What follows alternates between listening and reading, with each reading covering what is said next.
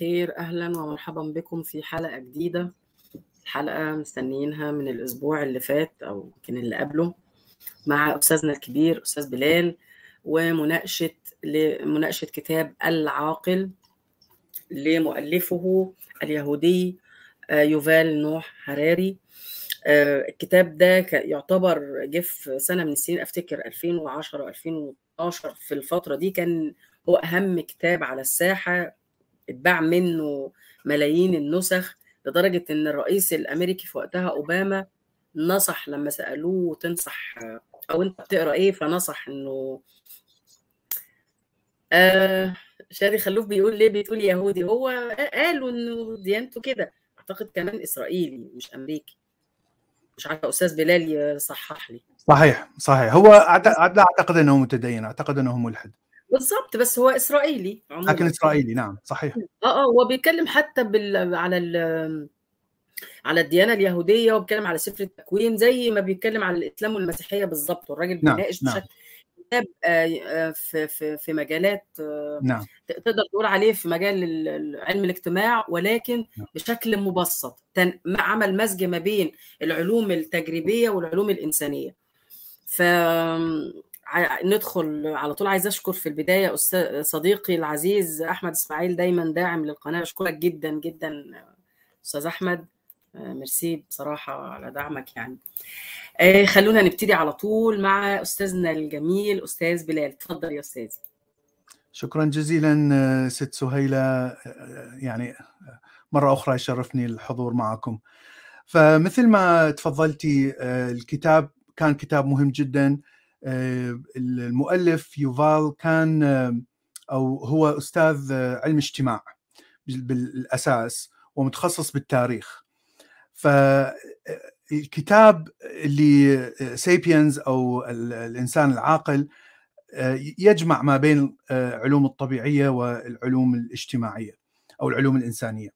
وهذا شيء نادر النجاح عندما يحاول الكاتب أن يؤلف ما بين هذين العلمين حتى يفسر مثلا نظرية معينة أو أو يفسر أحداث معينة بالتاريخ لماذا حصلت من من وجهة النظر النفسية الإنسانية. ف فهنا تكمن روعة هذا الكتاب. طبعا الأفكار لن يعني ما كانت جديدة. الأفكار اللي أتى بها كلها موجودة سابقا وموجودة في دراسات علم النفس وعلم الاجتماع. لكن هو طرحها بأسلوب بسيط وواضح ومركز يعني تركيز واضح على الفكرة يعني نشوفها من بداية الكتاب إلى نهايته.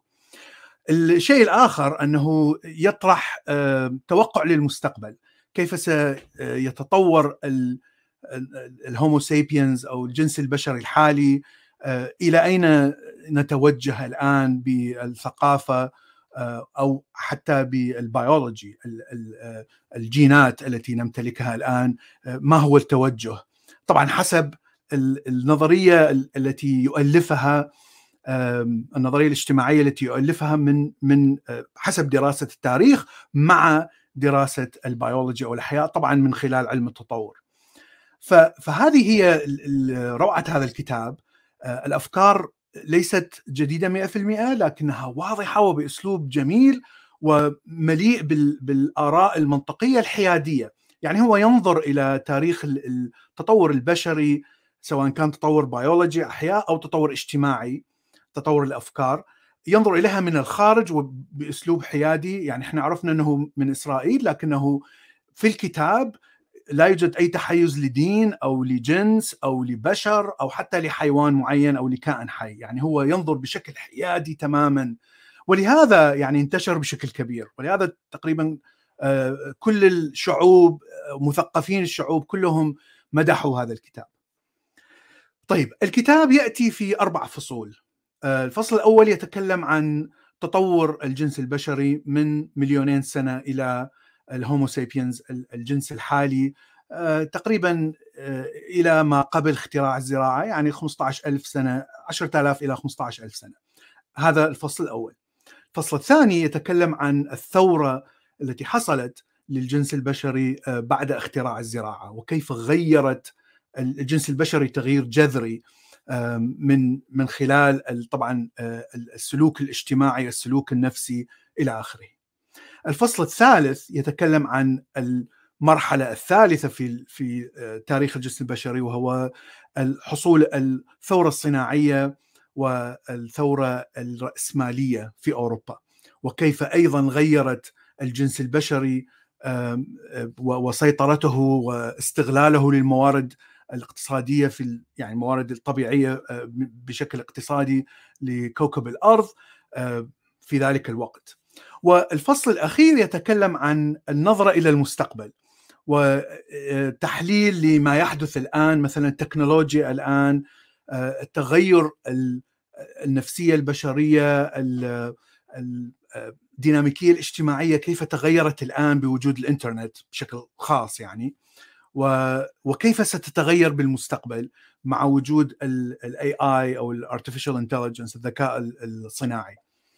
ويعني يطرح نفس الفكرة أو النظرية الاجتماعية التي يكونها عبر يعني عبر كل أربع كل الفصول يعني يطرح من خلال هذه النظرية يطرح نظرية للمستقبل كيف أو يتوقع ماذا سيحدث للجنس البشري في المستقبل. ف حلقة اليوم حتكون على أول فصلين وراح نسوي جزء ثاني لتكملة مناقشة آخر فصلين. لأن أعتقد يعني مادة دسمة بشكل كثير وكل وهناك كثير من النقاط المهمة في كل فصل. فسنحاول أن نطرح كل نقطة ويعني نسوي مناقشة على النقاط المهمة ونشرحها وتأثيرها وهل هناك فعلا تأييد من آه، نظريات أخرى علمية على كل نقطة وممكن أيضا أن نطرح تساؤلات من مجتمعنا الشرقي المجتمع العربي أو الإسلامي آه، أو المتدين عن عن كل نقطة ويعني ما ما هو تأثيرها أو تفسيرها آه، خاصة الأشياء الموجودة الآن في في المجتمع الشرقي. فممكن نبدي ست سهيلة ب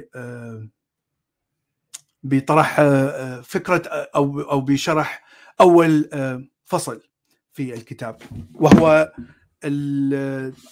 تطور الجنس البشري. طيب هو طبعا يعني يعتمد هنا على الأركيولوجي على الحفريات وأيضا يعتمد على علم التطور في شرح ماذا حدث منذ مليونين سنة. فمن مليونين سنة آه، الجنس البشري تطور آه، جنس هومو ما يسمى بجينس وهو الجنس الذي يجمع كل الأجناس البشرية أو الأنواع البشرية بالعربي آه، تحت جنس واحد.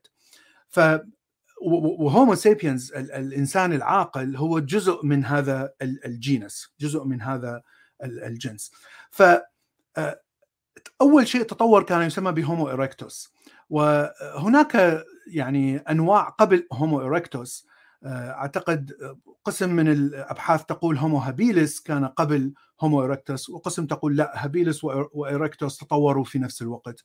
لكنهم تطوروا من أنواع آه، سابقة كانت تسمى بأسترولابيثيكس وهي genus مختلف تماما ومشابه جدا لل apes. اللي هي الغوريلا والشمبانزي والأورانغوتان والبونوبو التي تنحدر منهم طبعا. آه، ف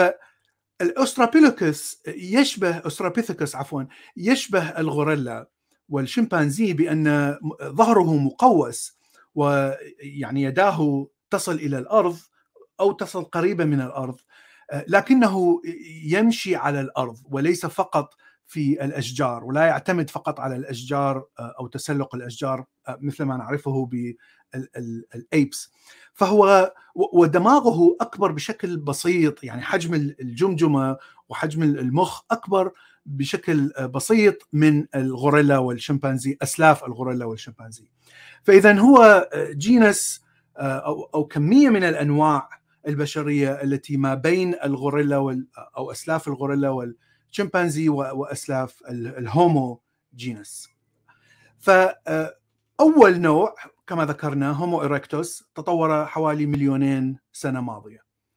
آه، هذه هذا النوع نجح في الانتشار طبعا هو تطور في أفريقيا ونجح بالانتشار إلى آه، تقريبا كل بقاع العالم آه، في أوروبا في آسيا. معلش معلش أستاذ بلال بس نعم. صديقنا براين برين بيقول إنه ما لقاش ترجمة عربية لمصطلح الإبس. الإبس اللي هو القرد القرده العليا. القرده العليا. القرده العليا يا القردة العليا ممكن أن يكون ترجمة للأيبس لا أتصور أن هناك يعني طبعا قد طبعا أنا متأكد هناك مفرد علمي بالعربي. آه، يماثل كلمة apes بس أنا اللي سمعته قبل سابقا هي القردة العليا. لأن ال apes هم ليسوا قردة ليسوا monkey ال monkey آه، يعني هم هم عائلة مختلفة عن عن عائلة ال apes بس للتوضيح طيب. تفضل تفضل. طيب. ف Homo erectus نجح في الانتشار في تقريبا جميع بقاع العالم تقريبا.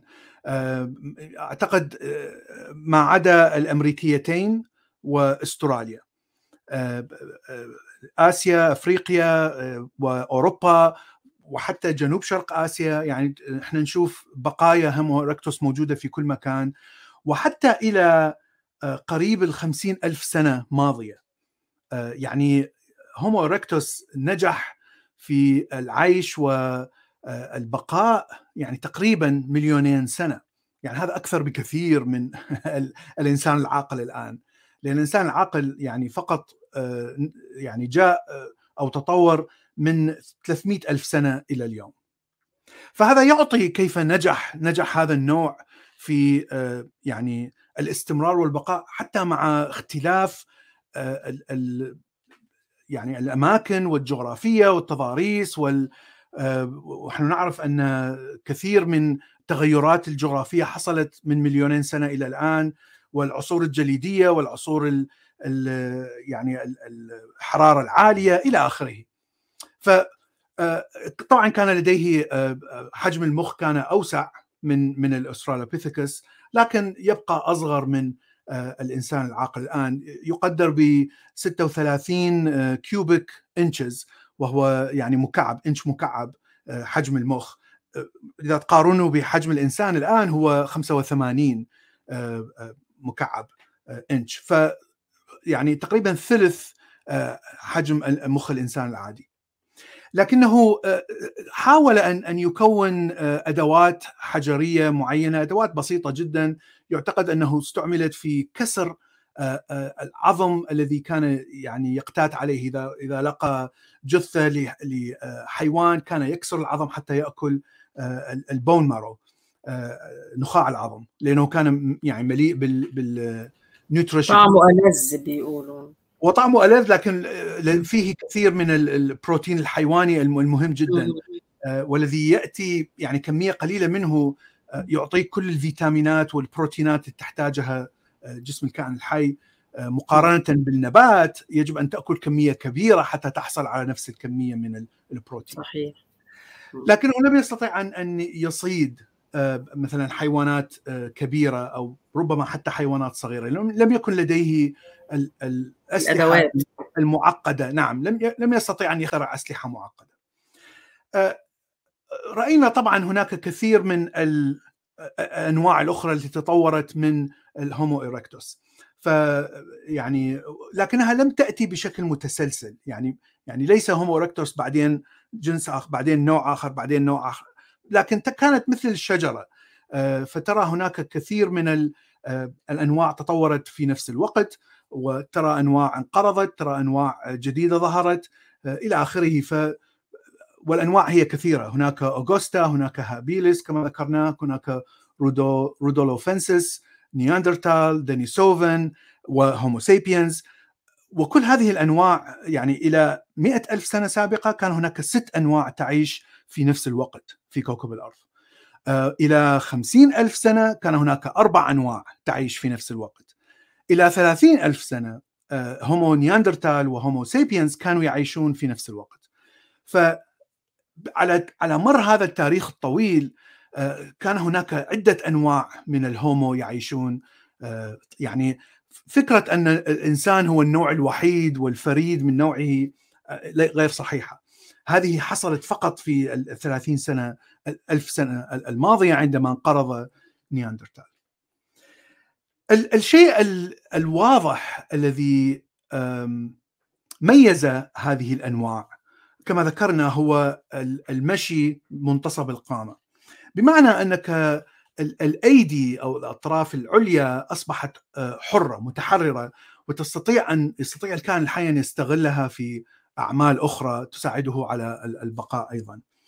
والعضلات التي تتحكم بالأيدي وحتى الخلايا العصبية التي تتحكم بهذه العضلات والخلايا الحسية التي كانت موجودة في الأيدي تطورت بشكل بطيء أيضا بحيث نستطيع أن نحركها أو أو يكون تحريك هذه العضلات يكون بشكل دقيق جدا بحيث نستطيع أن نخترع الأدوات الدقيقة أيضا.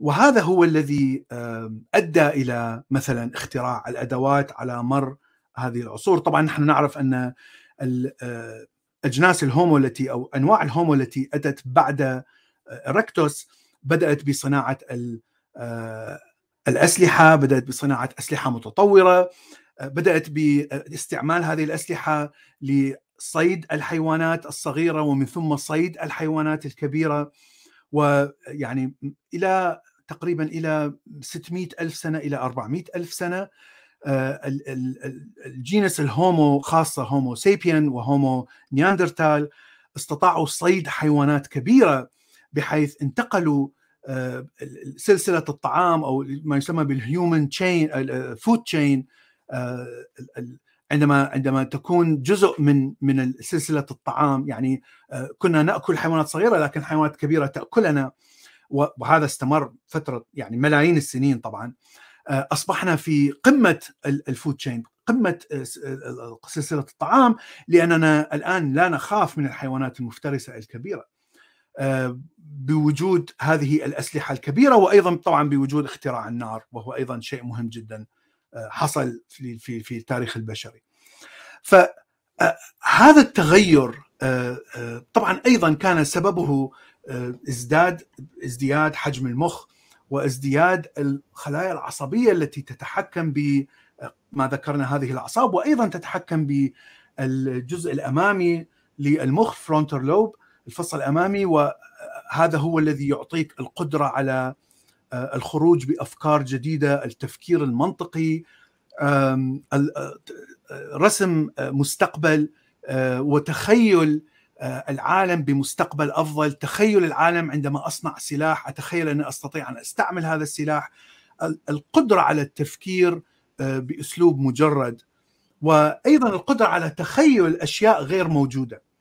عندما نتخيل بوجود أرواح مثلا وهذه كانت موجودة عند نياندرتال وعند سيبيان هومو سيبيان تخيل بأن كل شيء في الكون حولنا فيه لديه أرواح وهذه الأرواح تكون غير مرئية وهي المسيطرة على هذه الأشياء. فمثلا الجبل الزلازل البراكين الحيوانات الغزلان الأسود حتى الإنسان نفسه كلها لديها أرواح وهذه الأرواح هي التي تسيطر على وتحرك هذه الأشياء فيزيائيا.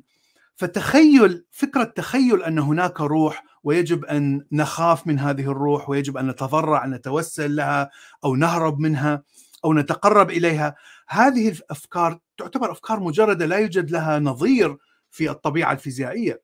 وفقط الهومو فقط أنواع الهومو تستطيع بهذه لديها القدرة على التفكير بهذا الشكل أنواع الغوريلا مثلا أو الشمبانزي وكل اللبائن الكلاب القطط ليس لديها هذه القدرة أن تفكر بهذا الأسلوب أن هناك أرواح واشياء خيالية غير موجودة في الطبيعة الفيزيائية. اذا يبقى سؤال واحد لماذا كبر حجم الجمجمة وكبر حجم الدماغ؟ لأنها شيء ليس سهل. يعني إذا إذا نظرنا من الناحيه البيولوجية نقول أن زيادة حجم الجمجمة طبعا تجعل الولادة أصعب شيء منطقي. لكن الوقوف والمشي بمنتصف القامة يعني اضطر أن يحول حوض الإنسان إلى أصغر. الحوض الكبير يعيق المشي وهذا ما نراه عند الغوريلا مثلا أو الشمبانزي لأن حوضهم واسع جدا فالمشي منتصب يكون مستحيل. لكن الأنواع الهومو ليس فقط الإنسان استطاعت أن تمشي منتصب فلهذا الحوض يكون أصغر. طبعا صغر الحوض معناها صعوبة خروج الجنين من من المرأة من حوض المرأة.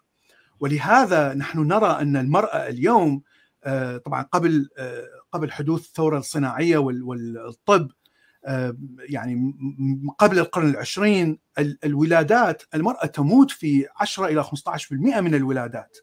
وهذه نسبة عالية جدا يعني هذه خسارة كبيرة جدا للأنثى التي هي يعني الشخص الوحيد الذي قادر على إنجاب الأطفال. لأنك يعني إذا لديك أنثى واحدة وعشرين رجل فهذه مصيبة كبيرة لكن لديك عشرين أنثى ورجل واحد فهذا شيء يعني مقبول جدا من ناحية التطور أو أو فكرة التطور. اذا الشيء الآخر هو حجم الدماغ كلما كبر حجم الدماغ كلما استعمل طاقة أكثر. يعني الدماغ هو يعني يؤلف تقريبا أعتقد 2 أو 3% من حجم جسم الإنسان أو النوع الإنساني لكنه يستغل 25% من الطاقة التي يعني يستعملها جسم الإنسان. فهذا العضو يستعمل طاقة كبيرة جدا وفي نظرية التطور يعني نحن نراها في كل الحيوانات أي عضو يستغل طاقة كبيرة غير مفيدة أو غير مهمة يعني ينتهي بسرعة ينتهي خلال مثلا عشرات آلاف السنين فقط يتم إلغاء هذا العضو وإهماله تماما ونراه يضمر ويضمحل لكن طبعا عقل الإنسان نحن نعرف أنه بدأ بالكبر وبدأ يزيد يعني ليس فقط يقل. فإذا عقل الإنسان كان مهم جدا في في هذه المراحل التطور. وطبعا نحن نرى أن الإنسان أو أنواع الإنسان تطورت إلى يعني حياة أفضل. كل جيل كان يعيش أفضل من الجيل السابق كل 200 300 سنة أو كل يعني كم ألف سنة فمن الطبيعي أن إذا إذا تحسن العيش فإذا الجينات التي آه، ولدت آه، يعني كبر بشكل بسيط بالدماغ هي التي ستورث آه، وطبعا ولهذا دماغ الإنسان بدأ يكبر بشكل بسيط خلال هالمليونين سنة. لكن لا نعرف بالضبط لماذا فعلا كبر حجم الانسان عقل حجم الإنسان، ما هي الحاجة البيولوجية، الحاجة للأحياء أن يكبر، نحن نرى أن كثير من الحيوانات الآن أو أو اللبائن تعيش بشكل جيد بدون حاجة إلى كبر آه، هذا الدماغ. فاذا هناك هناك شيء من آه، ما يقال الدبيت أو النقاش للعلماء أنه ما هو السبب أو عدة أسباب، نحن طبعا هو دائما يكون عدة أسباب وليس سبب واحد. أحد هذه الأسباب التي لا أعتقد أنها صحيحة هو آه، لأننا بدأنا نمشي منتصبين القامة فأصبح تعرض الحرارة للرأس أكثر فحتى نحاول أن نبرد الرأس أو الجمجمة فيجب أن يكبر حجم الجمجمة وطبعا هناك شرايين من الدم تكون تمتد على الجمجمة حتى يبرد طبعا قريبة من الجلد حتى يبرد. يعني لا أعرف إنه هذا صحيح أو خطأ آه، لكنه شيء موجود الآن. يعني أنت تشوف دائما تعرق الجبهة يكون آه، قوي جدا عندما تشعر بالحرارة لأن الجبهة فيها كثير من آه، يعني الدم والدم الذي يمر هنا حتى طبعا عندما يتبخر العرق سيبرد الدم ومن ثم ينتقل تنتقل البرودة إلى باقي أعضاء الجسم. اذا نحن نعرف أنه حصل هذه الثورة، الثورة اللي ذكرناها طبعا سابقا هو آه، اختراع النار واختراع النار اختراع ولا اكتشاف؟ هو اكتشاف النار في الطبيعة آه. طبعا هذا هذا موجود وحتى في اوريدي كانت موجودة البرق حتى باقي الحيوانات يستغلون آه. وجود النار يعني هناك م. حيوانات مثل طيور الطيور مثل الصقور والنسور عندما يكتشفون وجود نار في في مكان معين فهم يبحثون عن كل يعني الجرذان من جحورهم آه، فحتى يصيدوهم لأن يعرفوا أنه هذه الحيوانات ستهرب من النار. فكثير من الحيوانات يستغلون وجود النار والإنسان كان أيضا يستغل يعني البشر القديم هومو كان أيضا يفعل نفس الشيء. لكننا نعرف أن الإنسان ليس فقط استغل وجود النار لكنه اكتشف طريقة ل آه، إيقاد النار وهذا هو الاختراع الذي آه، الذي أعنيه. أنك تخترع طريقة لإشعال النار. يعني هذه كانت يعني شيء جوهري آه، وجذري في في تغير إنسان بسيطرة على الطبيعة. لأنه قبل هذا الاختراع لا يوجد كان هناك لا يوجد وسيلة دفاع من الإنسان عن الحيوانات المفترسة. ف والاختراع كان ما بين 800 إلى 400 ألف سنة ماضية. ولهذا نرى أنه بعد 400 ألف سنة ماضية الإنسان أصبح هو الكائن القوي المسيطر على بين الكائنات الحية الأخرى. فلم يعد طعام للحيوانات المفترسة. وهذا شيء جذري شيء يعني حصل بشكل سريع نسبيا عندما ننظر إلى تطور الحيوانات التطور الجيني الذي يحصل للحيوانات. فمثلا عندما تطور القطط الكبيرة طبعا هناك مخالب يجب أن تتطور لمخالب قوية يجب أن يتطور عندها السرعة الاجيلتي يجب أن تتحرك بشكل سريع فكرة أنه تكون مختبئة وتتلصص بالوصول إلى قريب من الضحية قبل أن أن تقفز هذا يج... هذا يتطور من السنين لا يتطور بسرعة لأنه دين دي إن اي لأنه جينيتك ال... ال... يعني ال... الأم أم الأسد أو النمر لا يعلم الأطفال كيف يعني يشحذ أسنانه هذا يأتي بالجينات. بنفس الوقت الطريدة أو الفريسة الغزلان إلى آخره الحيوانات النباتية التي يأكلها أيضا تتطور بنفس الطريقة لانها إذا لا تتطور ستموت ستنقرض نهائيا الأسد سيأكل كل الغزلان وينتهي سلفهم. فالغزلان أيضا يتطورون الغزال يكون سريع أكثر يكون سمع عنده أقوى بكثير حتى يستطيع ان يسمع الأسد وهو يتلصص إلى آخره وأيضا هذا يحدث في ملايين السنين.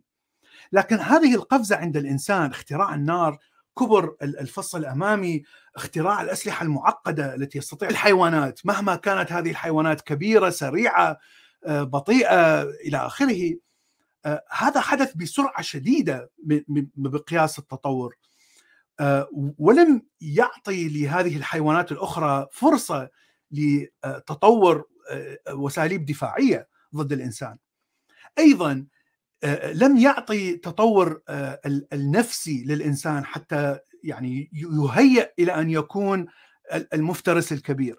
يعني الأسد مثلا غرائزه تكون متوازنة عندما يحاول أن يصيد ويقتل ويأكل إلى آخره. لا يشعر بالخوف من الطبيعة لا يشعر بالخوف من الحيوانات. ليس لديه قلق ووسواس قهري وإلى آخره مثل ما موجود عند الإنسان الذي مع أنه يمتلك سلاح ويمتلك النار لكنه يشعر بقلق شديد آه، ونفس الأفكار الخوف الغريزي موجود حتى وإن كنت يعني تملك النار وتملك السلاح.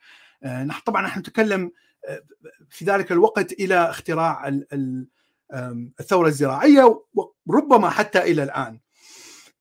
فنرى كثير من هذه الغرائز لا زال موجود عند الإنسان. يعني أبسط مثال هو آه، أكلنا للحم والفات الدهون والسكريات. نحن نأكلها بنهم شديد لأنها تعطي آه، دوبامين تعطي نشوة وسعادة كبيرة في الدماغ لأنه آه، من الصعب ان تجد الدهون والسكريات في الطبيعة.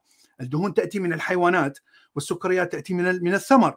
وطبعا السكر عندما تأكل ثمر بمعنى أنك تأكل فيتامينات غنية جدا تقوي المناعة. وعندما تأكل دهون أنت تأكل بروتين حيواني. كما ذكرنا كمية قليلة من البروتين الحيواني يعوضك عن تقريبا سلة كبيرة من من الأكل النباتي.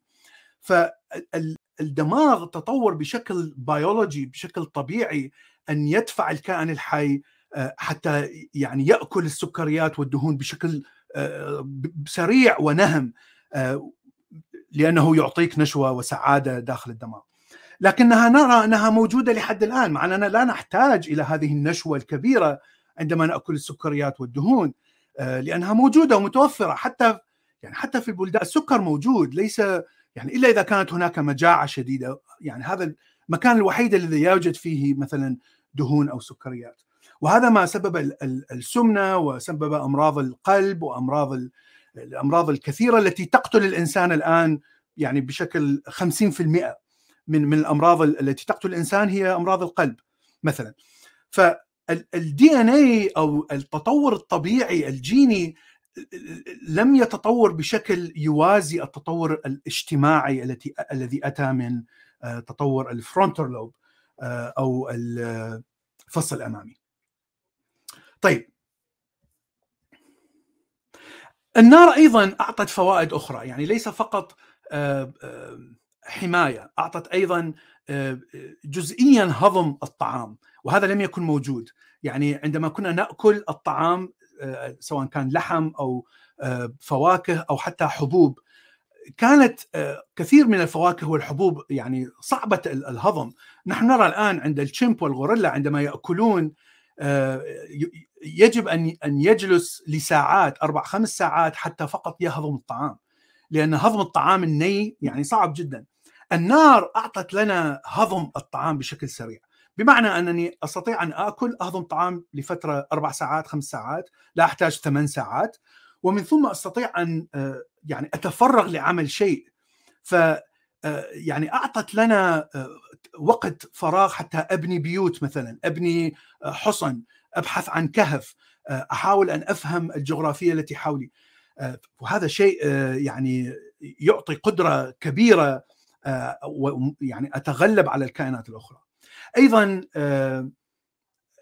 نتيجة لوجود الطعام المهضوم جزئيا نرى أن الأنياب صغرت نرى أن الأمعاء أيضا قل طولها الأمعاء الدقيقة لأنك لا تحتاج فعلا إلى فترة طويلة حتى تستطيع أن تهضم ويعني فنرى أن التطور كان يعني يماشي ولو بشكل بسيط هذا التطور الاجتماعي الذي يحصل. طيب الآن نبدأ بمتابعه الجنس الإنساني هومو سيبيان. فسيبيان معناها عاقل أو يفكر بشكل منطقي. هذا هو معنى كلمة سيبيان. ولهذا كان الكتاب اسمه سيبيان لأنه يركز فقط على الجنس الإنسان الحالي وهو الهومو سيبيان نحن نعرف أنه تطور منذ 300 ألف سنة وهناك آثار في المغرب موجودة. نعرف, نعرف أيضا أنه خلال 150 ألف سنة انتشر في أفريقيا بشكل كبير. وفي 70 ألف سنة تقريبا بدأ يخرج من أفريقيا ونرى هجرات إلى الشرق الأوسط وخاصه الجزيرة العربية ومن ثم بدأ ينتشر إلى أوروبا إلى آسيا وإلى جنوب شرق آسيا وحتى وصل إلى أستراليا. يعني من خلال خلال تقريبا مئة ألف سنة يعني وصل إلى تقريبا كل القارات وطبعا في آخر آخر عشرين ألف سنة وصل إلى ألاسكا ومن ثم بدأ ينتشر إلى الأمريكيتين. ف يعني نلاحظ أنه انتشر بشكل أكبر بكثير من أي نوع آخر من الهومو أو الإنسان. طبعا هو انتشر في مكانات كان موجود فيها أنواع أخرى كما ذكرنا. والنوع الذي كان منتشر في أوروبا وآسيا خلينا نقول غرب آسيا هو نياندرتال وطبعا الشرق الأوسط أيضا. وهذا النوع كان ناجح كما ذكرنا حتى يعني دماغه وعقله كان أكبر من عقل الإنسان. ب يعني شيء بسيط. ونوع يعني يعني منفصل عن نوع الإنسان العاقل و لكنه نعرف أن لكننا نعرف أنه انقرض يعني انقرض من 50 إلى 30 ألف سنة ماضية. فالانقراض هناك عدة نظريات لماذا انقرض النياندرتال مع أنه كان لديه عقل كبير كان يصنع الأسلحة المعقدة حتى كان لديه للنجاة أكثر من الهوموسيبيان العادي. وك... يا أكبر ب... بشكل بسيط لكن كان لديه فنون كان يرسم على كهوف كان يعيش في مجتمعات وقبائل بالضبط مثل ما كان يعيش ال... ال... الإنسان العاقل كان لديه نوع من الديانة لأنهم كانوا يدفنون الأموات بطقوس معينة يعني لديه كل الوسائل الاجتماعية والحضارية التي كانت موجودة عند عند الإنسان العاقل. الشيء المختلف هو كان لديهم أجسام أقوى ويعني عظم أخشن لأنهم كانوا يعيشون في مناطق باردة جدا، كان هناك فترة جليدية في أوروبا وشمال آسيا. فكانوا يعيشون في هذه المناطق يعني لفترة طويلة 500 نصف مليون سنة إلى إلى هذا الحد. أيضا كانت لديهم طبعا لغة كانوا يتكلمون بلغات معقدة وأصوات معقدة لكن الإنسان العاقل كان لديه قدرة على صنع أصوات معقدة أكثر لوجود لوجود الحنجرة في أسفل الفم عند الإنسان العاقل الحنجرة عند النياندرتال كانت مرتفعة بشكل يعني بسيط. فهذا أعطى للإنسان الهومو الإنسان العاقل قدرة على صنع أصوات أكثر تعقيد. وهناك اعتقاد أن الإنسان كان يستطيع أن يعني يتكلم بلغة أعقد ويتواصل فيما بينهم بأسلوب أعقد. أو أو أو شرح الأفكار مثلا تكون بأسلوب أعقد من النياندرتال وهذا كان فرق يعني يعتقد أن هذا هذا كان فرق يعطي أفضلية للإنسان العاقل عن عن النياندرتال. لكننا نعرف أن النياندرتال انقرض وأكثر النظريات منطقية أنه حصل صراع على الموارد. لأن طبعا الموارد طبعا لأن الأرض في تغير مستمر، المناخ في تغير مستمر فإذا لازم يحصل مشكلة على الموارد. قد يكون هناك حروب ما بين العاقل والنياندرتال وقد يكون هناك فقط أنه موارد لم تكن موجودة للنياندرتال التي كان يستطيع أن يحصل عليها الإنسان العاقل ولهذا النياندرتال انقرض إما حروب وإما لأنه لا يوجد موارد. حصل و... هناك تزاوج ما بين الاثنين يا أستاذ. الكتاب عرج على إنه النياندرتال لم يحدث تزاوج بينه وبين على عكس ال homo sapien تزوج مع مع الأناسين المختلفة في في, في الوقت ده. يعني يقال قبل مئة ألف سنة كان في ست أنواع نعم. أو خمس أنواع على حسب قول حضرتك من نعم. من الإنسان. لكن النياندرتال هو رفض التجا... التزاوج أو رفض إنه يعني يحصل حالة من ال نعم. أنا لا أعتقد أنه رفض. لا أتصور أنه رفض. إذا كان هناك حروب وصراع على الموارد فسيحصل هناك تزاوج لأنه عندما يكون حرب سيبقى أفراد من القبيلة الخاسرة وهاي الأفراد يجب أن ينضموا إلى القبيلة الفائزة أو أو يموتوا. فهذا يحصل بشكل طبيعي حتى في الشمبانزي والغوريلا. اذا إذا ما يعني قرر القبيلة المنتصرة أن يقبلوا هؤلاء الأفراد. نحن نعرف أنهم تزاوجوا لأن هناك نسبة 1 إلى 2% من DNA النياندرتال موجود في الإنسان العاقل الحالي في الشرق الأوسط وأوروبا.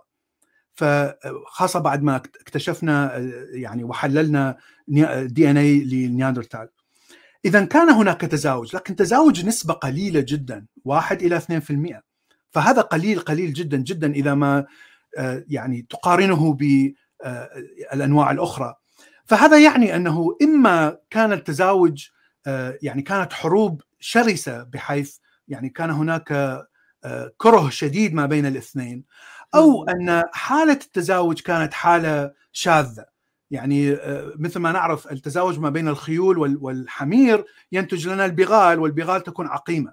فربما كان هناك تزاوج لكن ال ال الإنسان أو النوع الذي ينتج هو نوع عقيم ربما كان هناك أنواع غير عقيمة وهذه هي التي نجحت طبعا لوجود طفرات وراثية كما نعرف الطفرات الوراثية تحدث دائما في في كل جيل. عايزه عايزة بعد إذن حضرتك أرحب بأستاذ هاني سليم آه، أهلا بحضرتك وبيقول we have إحنا عندنا 2% من النياندرتال DNA نعم صحيح. 1 إلى 2% في الشرق الأوسط وفي أوروبا.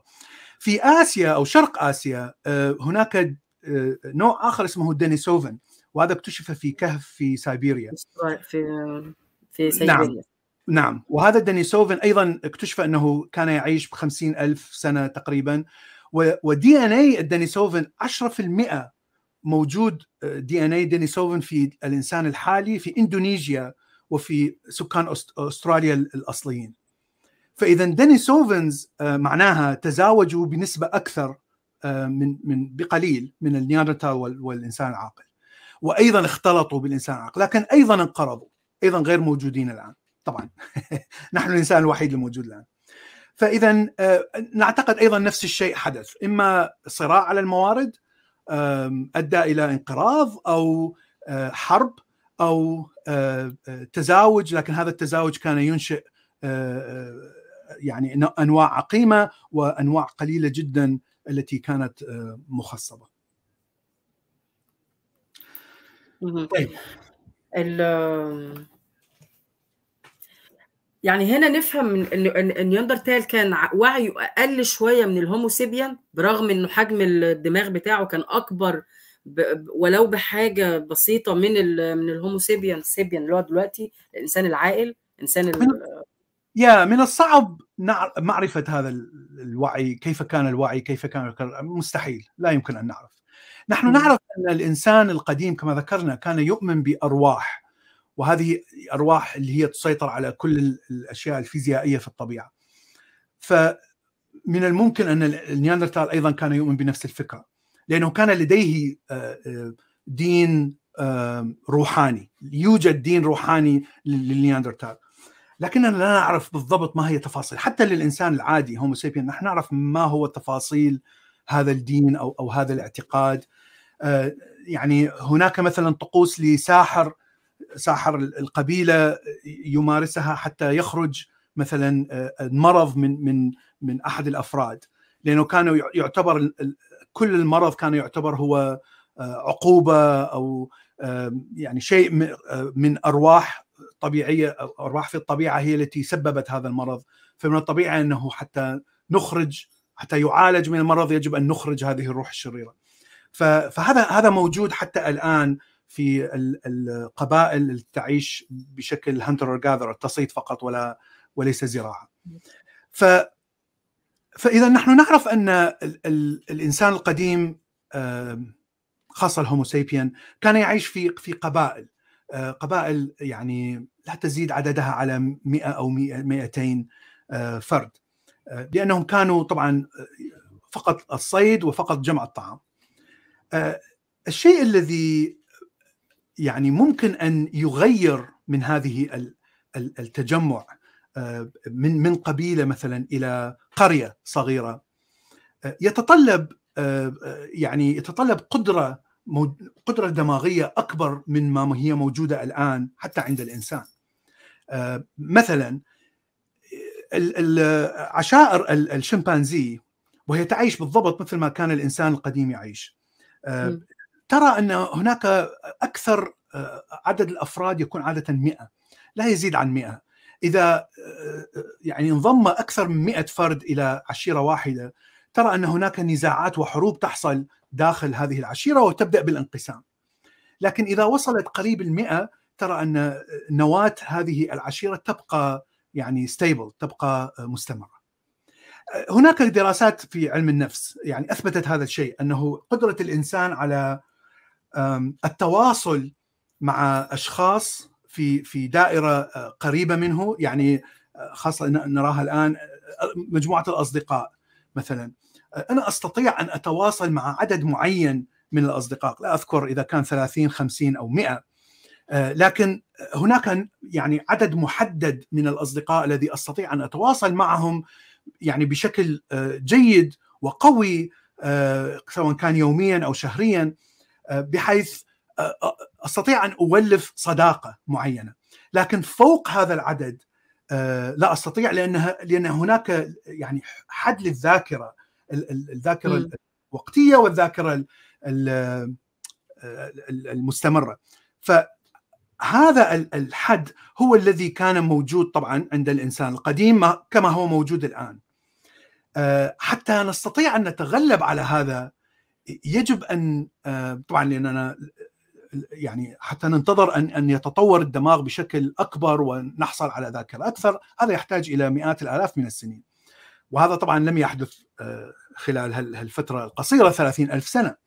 فإذا سؤال سؤال يا أستاذ بلال ما أعرفش نعم. نوفال يون نوفال نوح هراري جه على النقطة دي في الكتاب. أنا قرياه بقالي فترة طويلة على فكرة ويا دوب رجعت فصلين ثلاثة كده قبل من امبارح والنهاردة. نعم.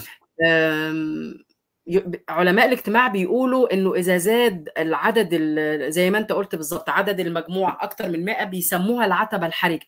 يجب أن يكون هناك فكرة ما نعم حتى يستطيعوا السيطرة على هذه مش السيطرة بقائهم مترابطين الفكرة نعم. دي بقى قد تكون دين نعم. قد تكون نعم. وده بيفسر وجود الأديان وفكرة الآلهة والخوف نعم. من نعم. نعم. والمجهول نعم. والكلام ده هل نعم. النياندرتال ما توصلوش أو ضمن ال ال ال الحفريات اللي ظهرت أو الكهوف اللي اكتشفوها ليهم أو كذا ما كانش عندهم ما يجمعهم من فكرة كدين ك حسب نعم هذا هو هذا هو الشيء المهم الذي يركز عليه يوفال بالكتاب.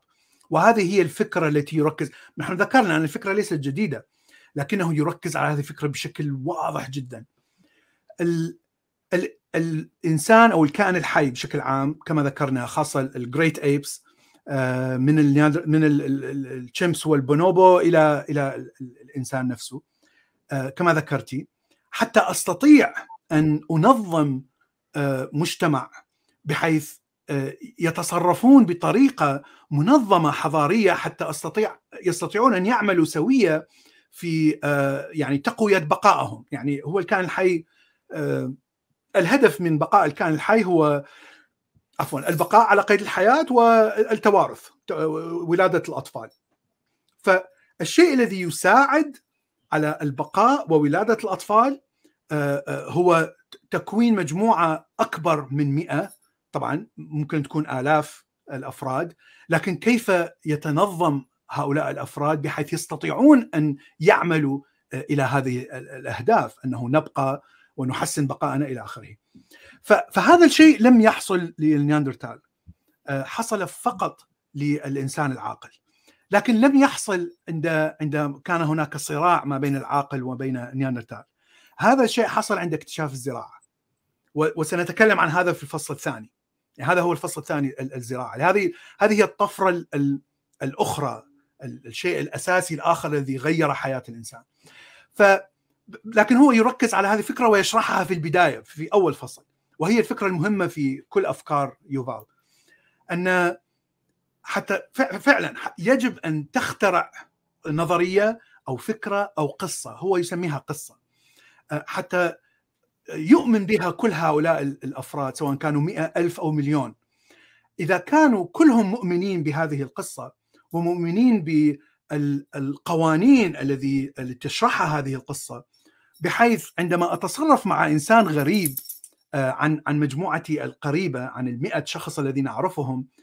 هناك بروتوكول هناك قوانين معينة أتصرف معها مع هذا الإنسان الغريب. فإذا نحن الاثنين متفقين على هذا البروتوكول أو على هذه القوانين الاجتماعية اذا لا يوجد هناك مشكلة. لا لا يوجد داعي لوجود الحرب على الموارد مثلا. فإذا كان عندي مثلا موز وهذا الشخص كان عنده ماء وأنا احتاج إلى ماء هو يحتاج إلى موز. ونحن غرباء في في في مثلا village أو في قرية صغيرة أو أو مدينة. فنحن نعرف أن البروتوكول أنه نتبادل. إذا إذا أعطيك موز تعطيني ماء. هذا البروتوكول لم يكن موجود في ال sapiens أو أو نياندرتال.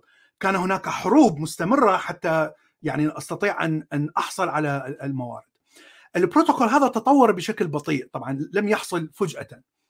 هذه الأفكار تطورت بشكل بطيء وهو يذكر يعني أول القرى أو المستعمرات التي اكتشفناها مثلا في تركيا هي أكثرها في الهلال الخصيب في 12000 سنة الأقوام هناك لم يكونوا زراعيين كانوا صيادين لكنهم استقروا في أرض معينة وبنوا بيوت وبنوا كذا وكأنها مرحلة الزراعة لكن هي قبل مرحلة الزراعة بألف سنة فقط. فاذا هذه الأفكار التي تجمع الإنسان مثل ما قلت الأفكار الدينية مثلا ربما تطورت في ذلك الوقت. في في أو أو حتى عملية تهجين الحيوانات قد تكون تطورت قبل الزراعة بألف سنة مثلا. لكن حصول الزراعة هو الذي أدى إلى احتياج لتطور هذه الأفكار يعني يجب ان أن نوجد قوانين اجتماعية حتى نوحد البشر على فكرة خيالية غير موجودة في الطبيعة حتى نستطيع أن نعيش بمنظومة حضارية. ف الفكرة التي طبعا يطرحها هو وجود مثلا فكرة بيجو أو أو شركة بيجو. فيقول أن شركة بيجو ككائن ليس موجود في الطبيعة. يعني لا يوجد شيء في الطبيعة اسمه بيجو. لكن نرى أن هذه الشركة عملاقة بدأت بالقرن التاسع عشر واستمرت إلى الآن ويعني هناك آلاف آلاف وآلاف الناس الذين عملوا بهذه الشركة واقتنعوا بأفكار هذه الشركة وهناك ملايين من الناس الذين يعني اشتروا سيارات بيجو واقتنعوا بالأفكار التي تطرحها بيجو كفكرة أنه السيارة تعمل بهذه الطريقة إلى آخره، التفاصيل العلمية، التفاصيل الاجتماعية. فيقول أن هذه الأفكار معناها أفكار معقدة و يعني لكن تحتاج الكل يؤمن بها الكل يقتنع بها حتى ممكن أن تعمل على أرض الواقع لأنها ليست لها أي نظير في الطبيعة وليست موجودة في الطبيعة الفيزيائية. يعني نحن نؤمن بهذه الأفكار إلى درجة بحيث حتى القضاء والقانون يعتبر بيجو وكأنه كائن وجودي له وجود وهو يعني ممكن أن يكون شرير ممكن أن يكون خير ممكن أن يكون ظالم ممكن أن يكون إلى آخره وممكن أن تقاضيه بالقضاء. يعني أشياء عندما تنظر من النظرة التطور الطبيعية نظرة خارج عن الإنسان ترى أن هذه الفكرة غريبة جدا. يعني تقول هذا الناس مجانين يعني هذا كائن مجنون يؤمن بأفكار خرافية. لا, لا ليس لها أي علاقة بالواقع لكنه مؤمن بها بإيمان شديد. وليس فقط هكذا لكن ترى أنه يدافع عن هذا الإيمان الخرافي. يعني ترى أن الإنسان يستميت حتى يدافع عن دين أو عقيدة أو مذهب أو حتى علم وممكن أن يقتل نفسه في سبيل هذا هذه القصة الخرافية.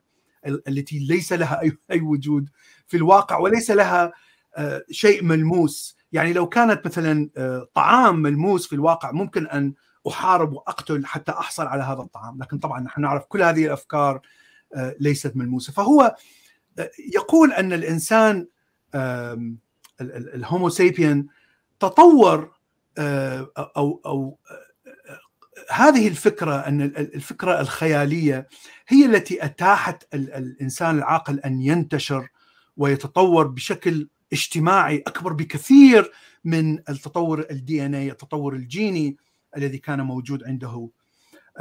لكنه ينظر إليه طبعا على بشيء سلبي لأنه فعليا مثل مثل السرطان مثل ال cancer. لأنه لا يوجد لا يوجد أي حدود لا يمكن أن أن أوقف هذا التطور والاستمرار الاجتماعي والذكائي والتكنولوجي. لا يوجد حد الآن عندما تتطور بشكل دي إن اي هناك دائما حد للمقدرة الجسم على فعل شيء معين. لكن التطور التكنولوجي تقريبا ممكن أن يستمر إلى ما لا نهاية. وهذا هو الشيء المخيف الذي يثيره يوفال في كتابه. طبعا ويعطي أدلة كثيرة. فمن من أهم أهم دليل وأعتقد أنه يعني دليل قوي جدا وليس فقط يوفال لكن عدة علماء نفس وعلماء اجتماع وحتى بيولوجي يذكرونه الآن. أن الإنسان القديم يعني من من 30 ألف سنة وحتى النياندرتال طبعا إلى يعني إلى حتى اختراع الزراعة إلى عشرة آلاف سنة وإلى الآن الإنسان هو السبب في انقراض تقريبا 80% من باقي الحيوانات. حتى الإنسان القديم. طبعا الفكرة العامة المنتشرة كانت بشكل كبير جدا في بداية القرن العشرين أو في منتصف القرن العشرين أن الأوروبيين البيض أو اختراع السلاح السلاح الناري هو كان السبب الأساسي في تدمير الطبيعة أو يعني انقراض النباتات والحيوانات خاصة اختراع البارود عموما. البارود والسلاح الناري لكن هذا كلام خطأ. ال ال الإنسان الاصلي الصينيين على فكرة. أول ما نعم. اخترعوا البارود الصينيين من كم ألف سنة؟ الصينيين اخترعوا البارود لكن لم يستعملونه في القتل والحروب استعملونه في الاحتفالات. ال ال الإنسان الأوروبي هو الذي استعمله في الحروب والقتل وصنع أسلحة الدمار. ولهذا كان متفوق يعني متفوق عسكريا على كل باقي الشعوب. ولهذا سيطر بشكل تام على كل كل الأرض. لكن الإنسان القديم عندما يعني في أمريكا الجنوبية مثلا 80% من من الحيوانات انقرضت خلال 2000 سنة فقط بعد وصول الإنسان القديم إليها. يعني الإنسان القديم وصل تقريبا 10000 سنة.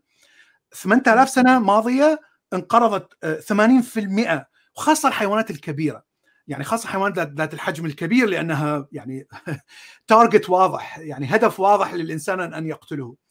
فكان هناك مثلا ماموث أفيال الماموث الكبير كان هناك sloth حيوان الكسلان sloth giant عملاق كان هناك طيور عملاقة.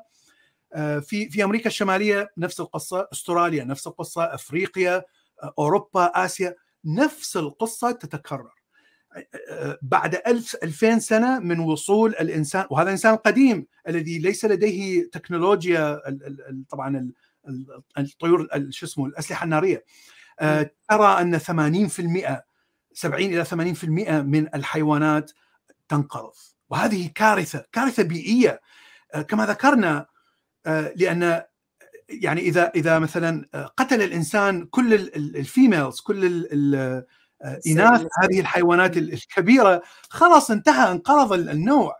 لأن هذه الحيوانات الكبيرة يعني الإناث لا تجلب كثير من الأطفال أو ال babies. يعني هي تجلب مثلا طفل كل سنة أو كل سنتين. لأنها حيوانات كبيرة لا أحد يستطيع أن يقتلها. لكن وجود هذا المخلوق أو الكائن الذي يستطيع أن يقتل بدون أي حدود وتطوره بشكل سريع خلال يعني فقط 30 50 ألف سنة طبعا هذه ولدت هذه الكارثة.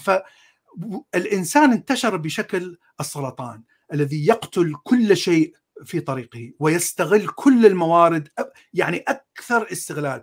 وهذا شيء أيضا طبيعي ليس فقط في الإنسان. يعني هذا هو شيء أساسي في الحياة شيء أساسي في الدي إن اي وفي تطور الحياة حتى الخلايا الوحيده الخلية. الحياة هي فعليا تحاول أن تستغل المصادر الموجودة حتى تأخذ الموارد تأخذ تصنع السكر الذي يعني يزيد الذي يساعد على استمرار التفاعل الكيميائي بمعنى استمرار الحياة استمرار الكائن الحي فإذا إذا استمر التفاعل الكيميائي معناته أنا بعدني يعني بعدني على قيد الحياة فإذا أحتاج دائما إلى السكر وأحتاج إلى البروتين حتى يعني أصلح التخريب الذي يحصل في الخلايا لأنه دائما هناك تخريب.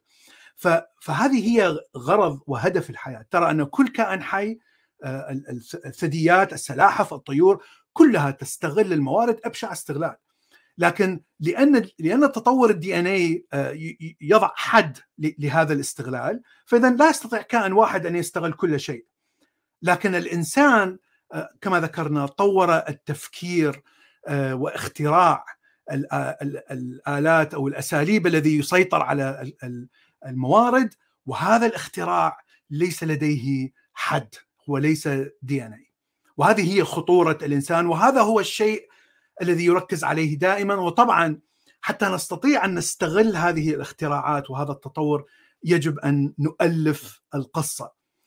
القص تأليف القصة مهم جدا لأننا لا نستطيع أن نعيش أكثر من 100 فرد آه، بدون تأليف هذه القصة.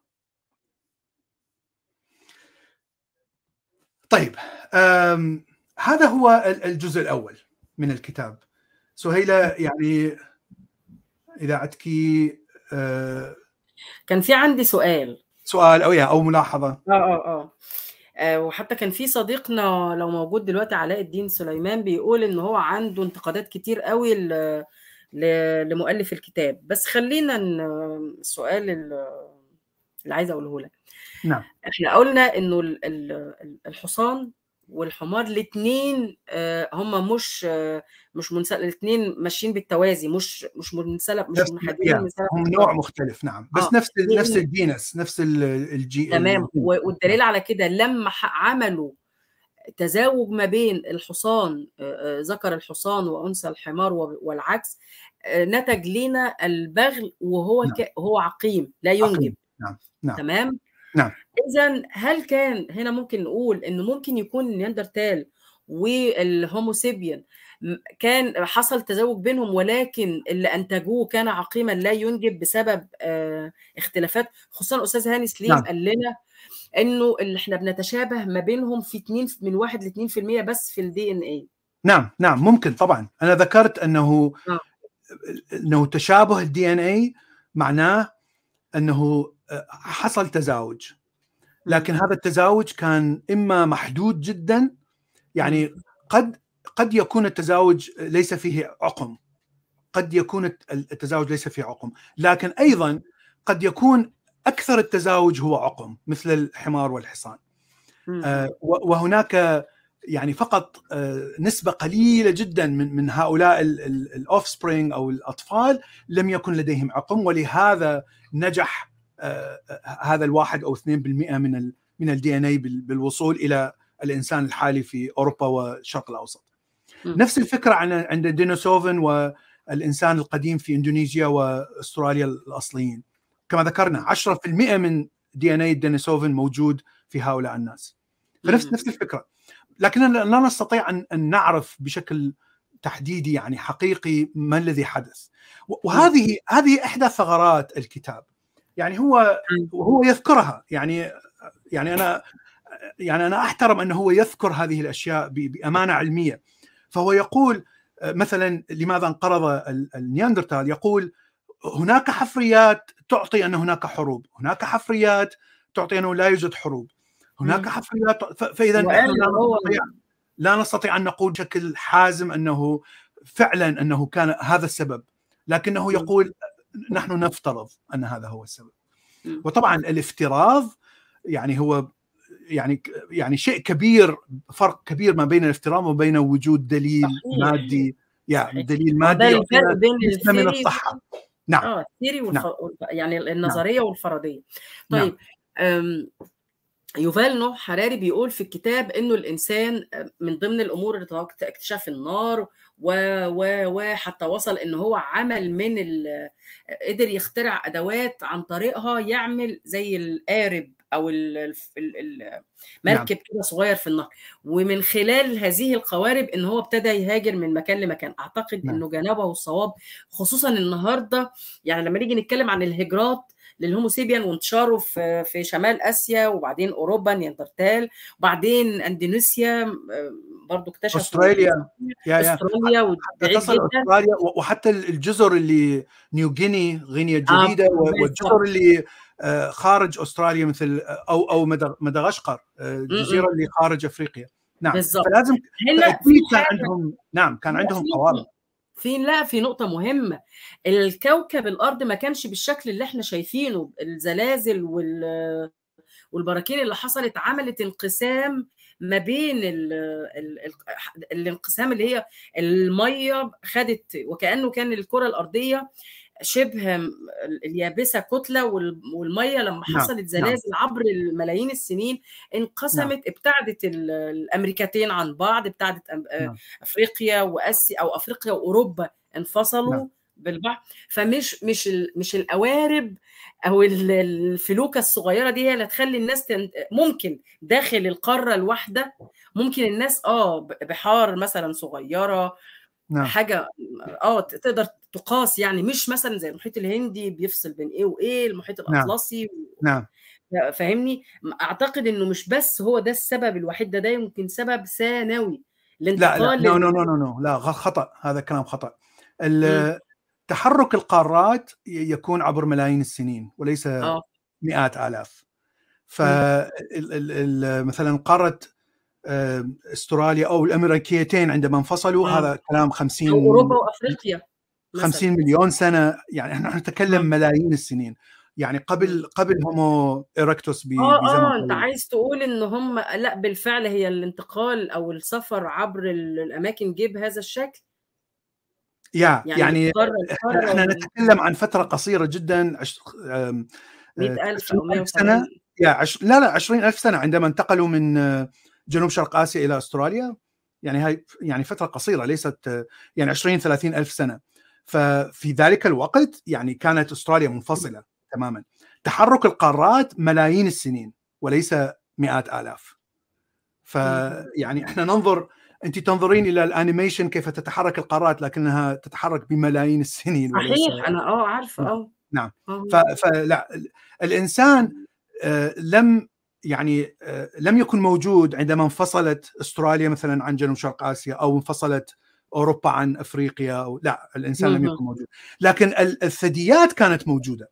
يعني عندما الثدييات ظهرت تقريبا 120 مليون سنة ماضية وبدأت بالانتشار في 65 آه، مليون سنة بعد انقراض الديناصورات.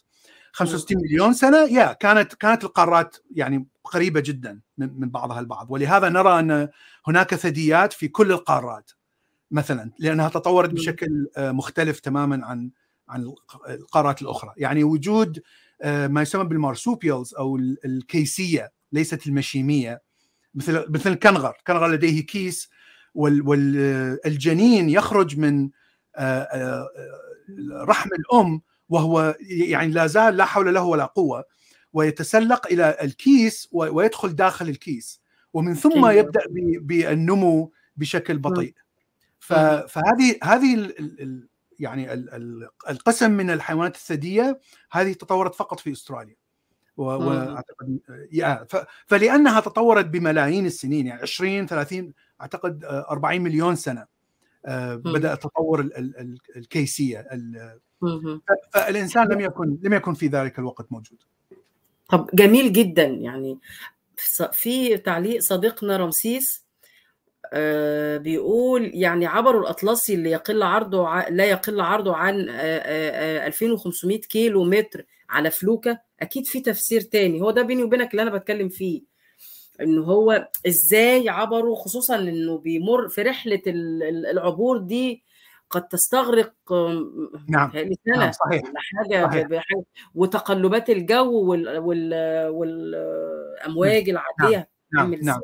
العبور لم يكن من خلال بحر كان من خلال ألاسكا من خلال العصر الجليدي هناك هناك هناك مكان آه، الوحيد الذي يخالف آه، نظرية عبور ألاسكا لأنه ألاسكا وسيبيريا كانت يعني مجتمعة بالعصر الجليدي. فخلال تقريبا عشرة ألاف سنة من من عشرين ألف إلى عشرة ألاف سنة. فالحيوانات تستطيع أن تعبر من من سيبيريا إلى ألاسكا ومن ثم إلى الأمريكيتين. والاعتقاد هذا أنه الإنسان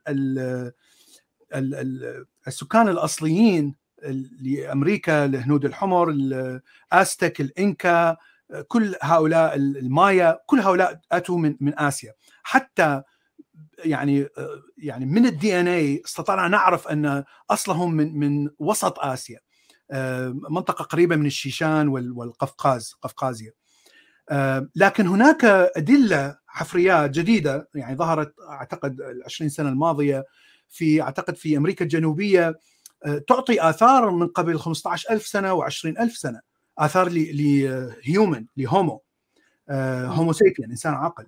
أعتقد عظام أو شيء من هالقبيل. فكيف تفسر هؤلاء؟ لا نعرف. آه، في الحقيقة لا أحد يعرف. آه، فكرة أن الإنسان يعني أبحر من أفريقيا إلى أمريكا الجنوبية فكرة صعبة جدا كما ذكرنا لأنه لم يكن هناك سفن كبيرة. قد حدث يعني ممكن أن يكون يعني هناك كثير من القوارب أبحرت آلاف القوارب وقارب واحد وصل هناك. يعني ممكن. وممكن أن يكونوا عبروا عن طريق ألاسكا أيضا. لكن يعني كانت البرودة أشد بكثير فممكن أن يكونوا ماتوا كثير منهم ووصل منهم لا أحد يعرف. لأنه فقط فقط موقع واحد هو الذي يكون فيه هذه هذه البقايا الذي قبل العشرة ألاف سنة.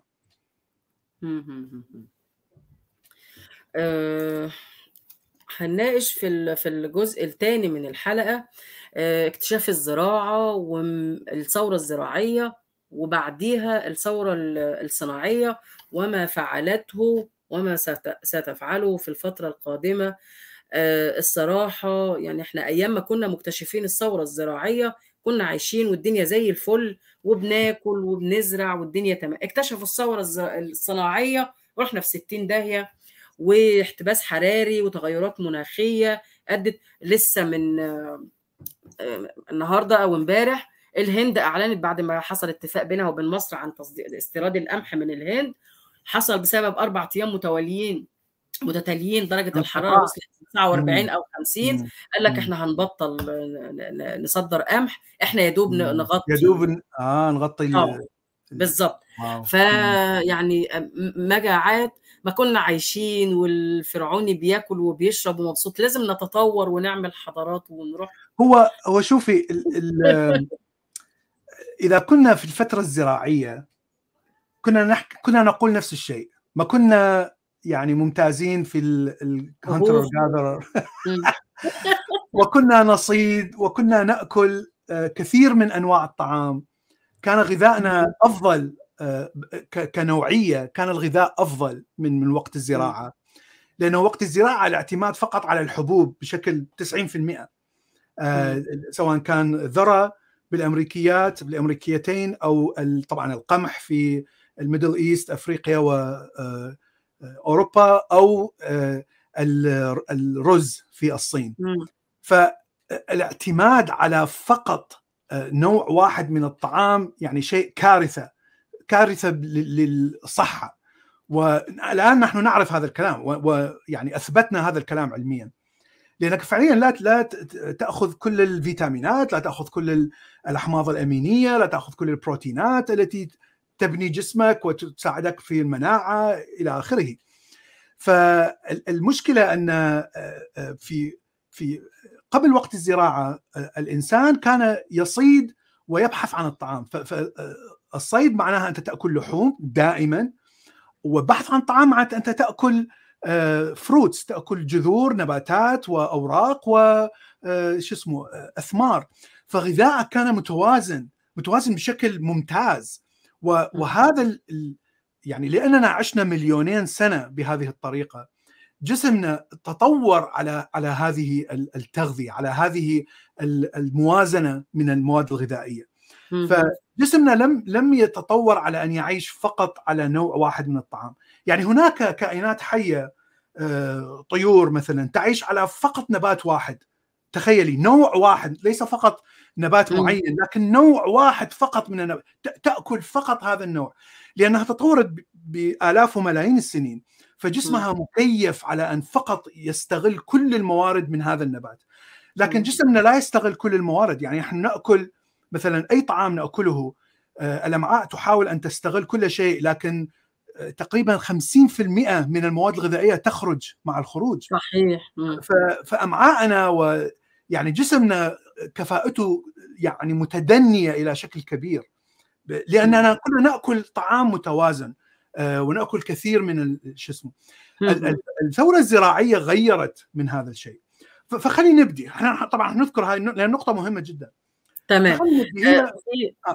تفضل آه قبل ما حضرتك عايز تتكلم دلوقتي عن الثورة الزراعية طيب نعم. في سؤال في في النص كده نعم. إمم، يبدو أن أيادي خفية روّجت بضاعته الكاسدة، يكفي أنه صهيوني. طيب ماشي. آآ دخلنا نظرية المؤامرة. كيف يمكن لأستاذ تاريخ مغمور صديقنا علاء آآ أنا نعم، شايفاه تاريخ أوروبا. تجري أفكاره صدى كذا، كذا، كذا. آه، ف ال ال ال ليس لها علاقة بإسرائيل أو باليهود أو بالصهاينة. يعني. هذا هذا علم، هذا الإنسان يتكلم علم. حتى وإن كان إنسان صهيوني مثلًا مثلًا، أنا لا أعرف ما ما هو تفكيره الشخصي، لأني لا لا أهتم بالتفكير الشخصي، أنا أهتم بالتفكير العلمي. أي إنسان لديه تفكير علمي يجب أن نستفاد منه. مهما كانت ديانته، مهما كانت آآ أبسط شيء آآ هايزنبرغ، هايزنبرغ أحد مخترعي نظرية الكم. بدون نظرية الكم لا يوجد كمبيوتر، لا يوجد. رقائق هاي الchip رقائق الكمبيوتر. هايزنبرغ كان نازي. ك إمم. عمل مع نظام هتلر النازي، وكان. حتى آآ يعمل على إنتاج قنبلة ذرية عند النازية. لم لم يتحقق في إنتاج قنبلة ذرية. إمم. كان كان يرأس البرنامج في ألمانيا النازية، يعني هذا الإنسان مجرم أنا أعتبره ك إمم، إمم. كإنسان شخصي. هتلر؟ نفسه في؟ وقت هتلر جمّع. كل ألمانيا وراه وعمل بالضبط. ثورة ليس آه كل لحظة، لحظة، إمم. ليس كل ألمانيا. مثلًا أنا كان عايزة أقول ضد لك كان ضد ال النازية وخرج. ال الشخص الذي اخترع أشعة إكس اسمه إمم. روتنجتون، هذا كان. نازي، كان نازي متعصب، ليس فقط اهم. نازي. يعني إمم. هايزنبرغ لم يكن متعصب، لم لم يتكلم ضد اليهود وضد ال الأوروبيين والعرب وكذا وضد لم يكن عنصري. آآ إمم. لكنه كان يعني جزء من الحزب النازي.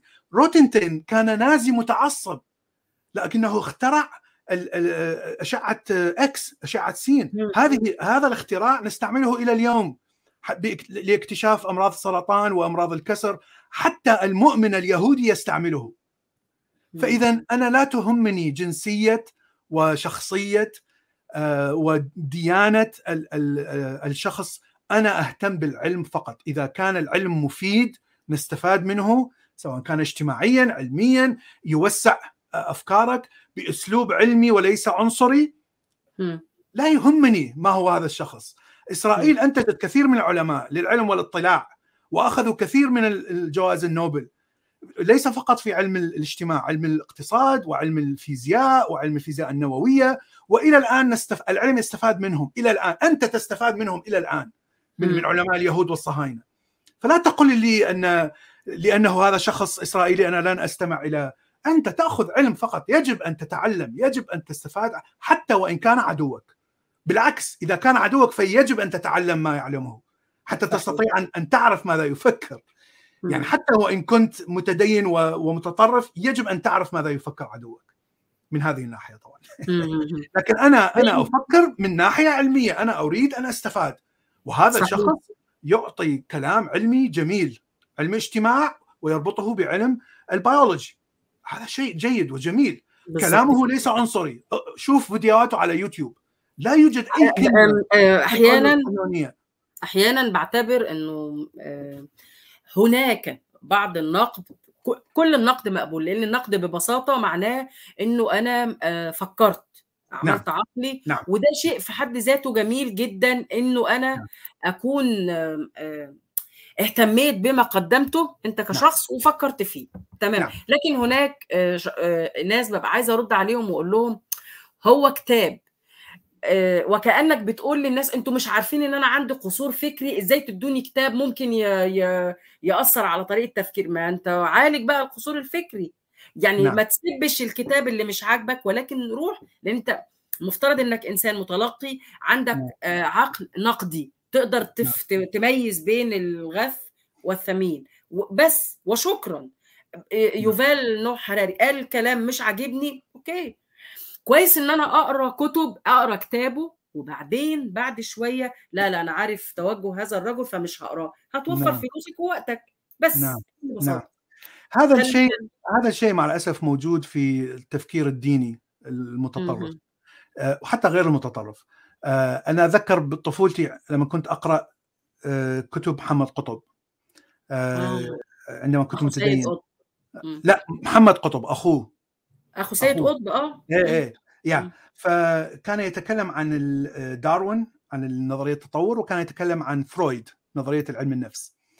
آه، كلامه بشكل ديني بحت. فيقول أن داروين وفرويد كانوا يهوديين اثنانهم وكان غرضهم تدمير الدين. تدمير أي دين دين المسيحي والإسلامي. لكن الدين اليهودي كان هو شيء مهم عندهم. طبعا هذا الكلام كله كذب. يعني كذب كذب كذب. لأني لما قريت فرويد ولما قريت داروين داروين كان مسيحي ربوبي لم يكن ملحد. آه، فرويد كان ملحد. ولم يكن متدين. وحارب الديانة حارب اليهودية بشكل خاص فرويد. حارب الفكر الديني الرجولي. يعني عنده كثير من الأفكار اللي هي تنقض الدين وتنقض الأفكار الدينية.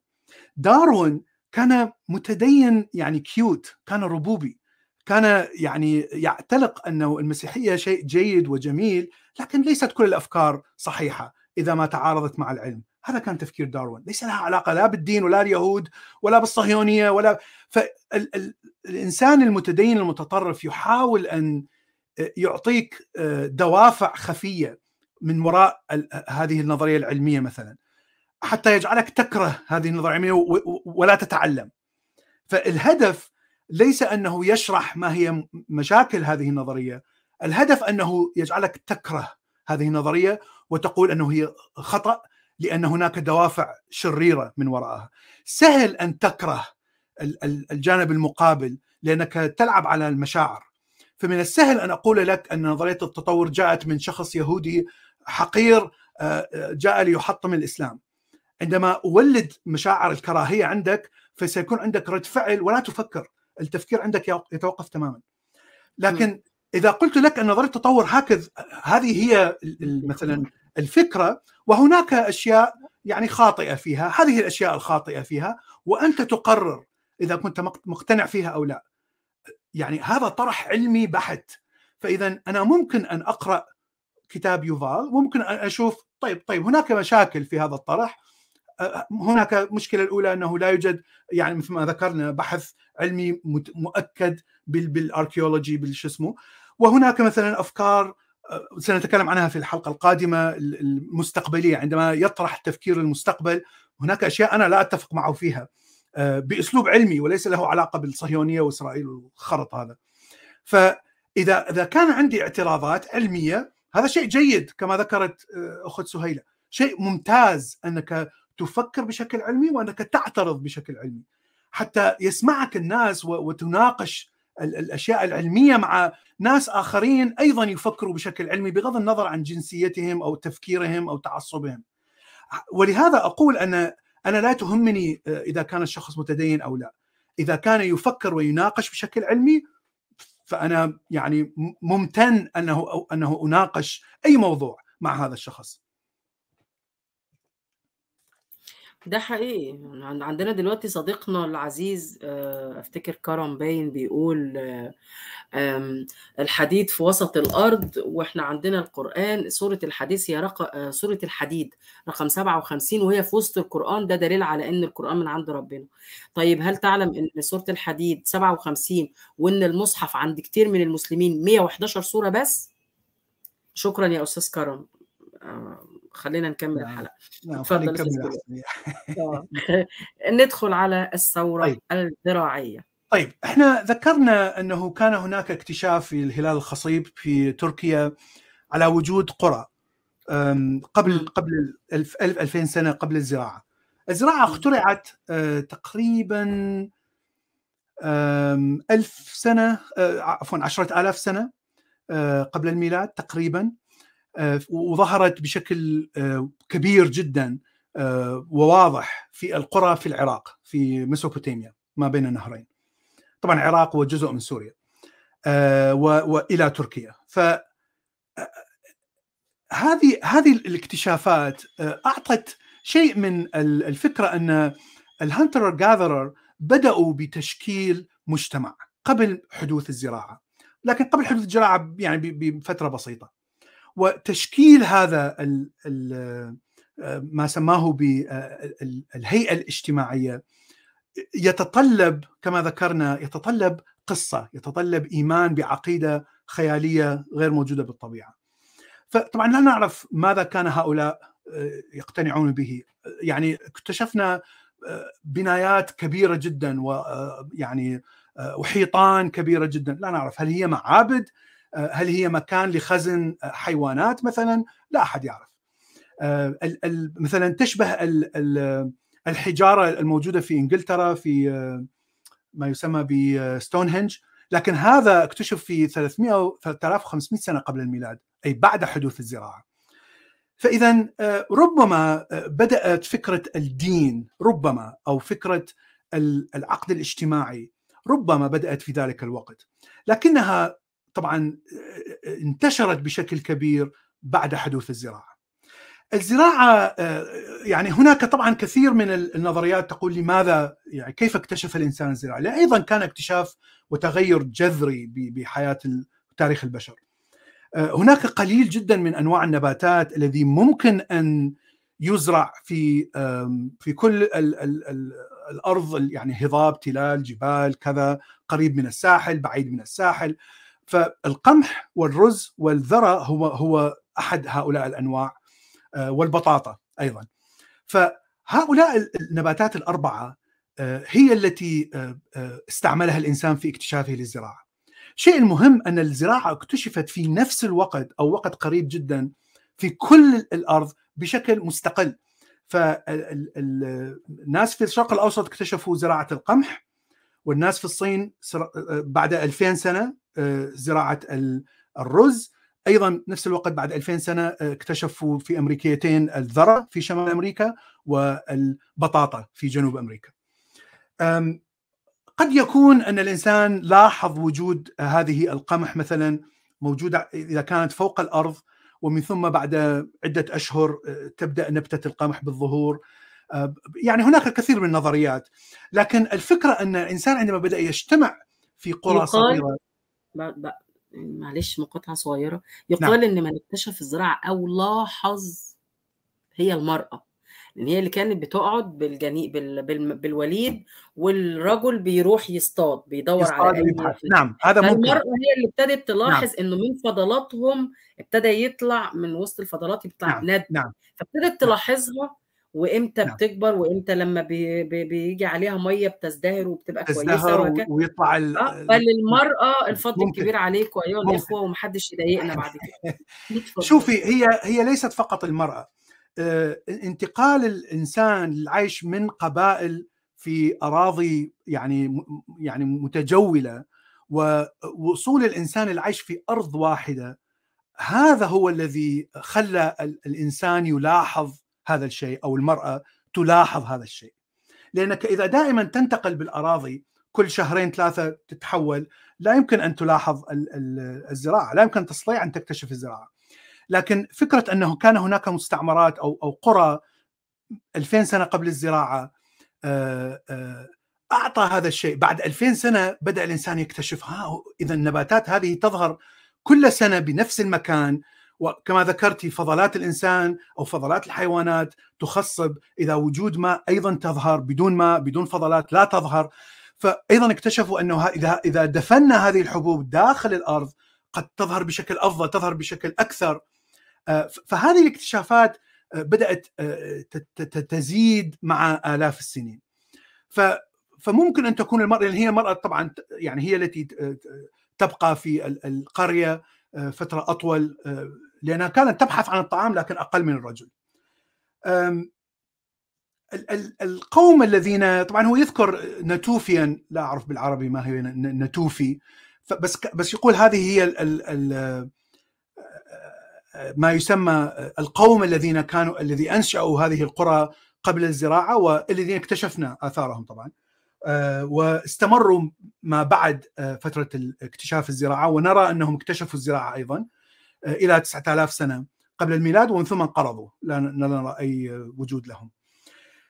لكن بتقريبا 1500 سنة قبل الميلاد تقريبا كل الشرق الأوسط هناك قرى وترى تجمعات للإنسان القديم ونرى بداية الزراعة تظهر في كل هذه القرى تقريبا 3500 سنة قبل الميلاد الحيوانات الداجنة نرى بقايا عظام الحيوانات تظهر وبدأت تنتشر. تقريبا القرن الأول بعد الميلاد الزراعة انتشرت في العالم كله، في العالم المتحضر الذي يسكنه البشر ما عدا أستراليا وألاسكا، طبعا أستراليا كانوا يسكنوها السكان الأصليين الذين لم يكتشفوا الزراعة يعني ولم يكتشفوا الزراعة أبد حتى بعد وصول البيض يعني بعدهم يمارسون الصيد والشو اسمه.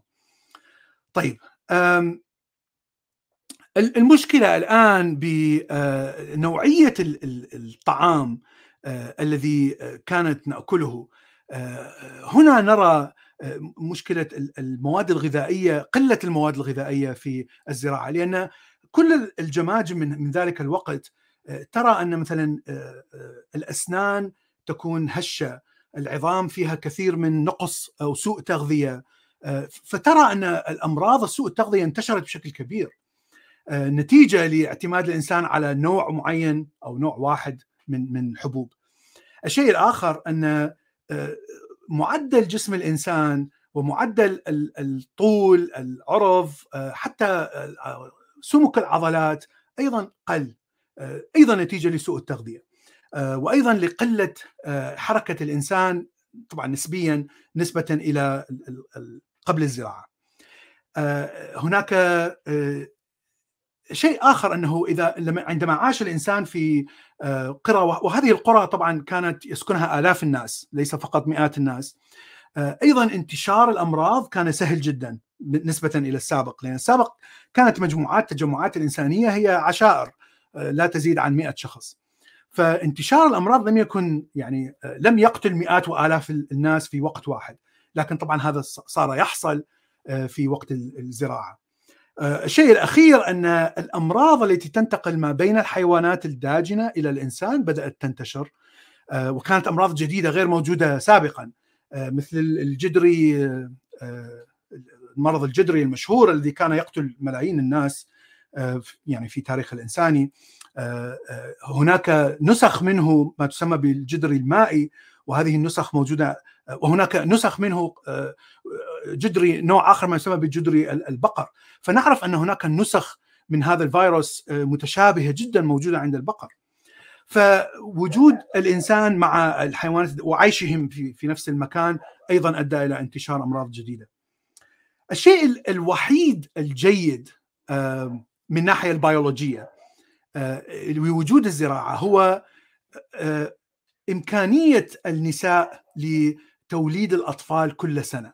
كل امرأة تستطيع أن تنجب أطفال كل سنة لوجود الطعام. في السابق كان معظم الأطفال كانوا يموتون لأنه عندما يحصل شحه بالطعام أول كائن يموت هو الطفل. لكن مع اختراع الزراعة لا يوجد المجاعات تكون أقل بكثير وقد تحصل لكن تحصل مثلا مرة كل عشر سنوات. إذا صحت شحه في الأمطار نهر أو حصول زلازل إلى آخره وهذه المجاعات تحصل في مكان معين وليس في كل الأرض ف تأثير موت الأطفال يكون أقل نسبة موت الأطفال يكون أو عدد الأطفال الذي يستطيع أن يعيش أكبر بكثير بنسبة كبيرة جدا في وقت الزراعة عن وقت قبل الزراعة. ولهذا عندما نرى العمر الافتراضي أو العمر المعدل العمر للإنسان قبل الزراعة كان تقريبا 25 سنة. يعني كان بشكل معدل الإنسان يموت في عمر 25 سنة سواء كان أمراض افتراس حيوان مشكلة في الطبيعة زلازل براكين إلى آخره. هذا العمر زاد بدأ يزيد بشكل بطيء وصل إلى 35 سنة. مثلا في فترة الزراعة وصل إلى مثلا 40 سنة بالعصر الصناعي بداية القرن العشرين بدأ يزيد. الآن مثلا ال average هو 60 سنة في العالم كله طبعا فقط المعدل. ف العمر الإنسان بدأ يزيد. أيضا نرى أن هناك قبل قبل الزراعة كان هناك ما يقدر بخمسة إلى 8 ملايين إنسان كانوا يعيش في في كوكب الأرض. طبعا هذا تقدير. في سنة واحد بعد الميلاد مجموع ال population أو تعداد الإنسان كان 250 مليون. فشوف الفرق الهائل في تضاعف عدد الإنسان ما بين فقط في في فقط عشرة آلاف سنة. يعني هذا لا يمكن أن يحصل بشكل طبيعي لأي مخلوق لأي كائن حي آه، بشكل التطور الطبيعي. آه، لأن كما ذكرنا الدي ان اي لا يستطيع أن يتغير بهذه السرعة حتى يستطيع أن يتغلب على الطبيعة. فقط الإنسان بالاختراع وبالتطور الاجتماعي استطاع أن يفعل ذلك. طبعا أيضا آه، نرى أن الإنسان معلش سؤال صغير. نعم. ما أدري آه، جاء عليه الكاتب في في كتابه أم لا؟ ولكن سؤال ظهرت الزراعة في في في أنهي حضارة في الأول؟ حضارة آه، دايما يقول لك السباق من الحضارة الأقدم حضارة مصر القديمة أم الرافدين؟ سومرية. آه. أم الحضارة الصينية؟ أنا مش عارفة نعم. الزراعة الزراعة ظهرت في الهلال الخصيب اولا قبل السومرية. قبل آه. السومرية ب 5000 سنة. فلا نستطيع أن نقول أن السومريين اخترعوا الزراعة، السومريين ظهروا في جنوب العراق. آه. لكن الزراعة بشكل عام ظهرت في الهلال الخصيب من من العراق إلى. تركيا سوريا إلى لبنان فلسطين. هذا. هو المكان اللي ظهرت فيه الزراعة. لم تظهر في مصر اولا ظهرت في الهلال الخصيب.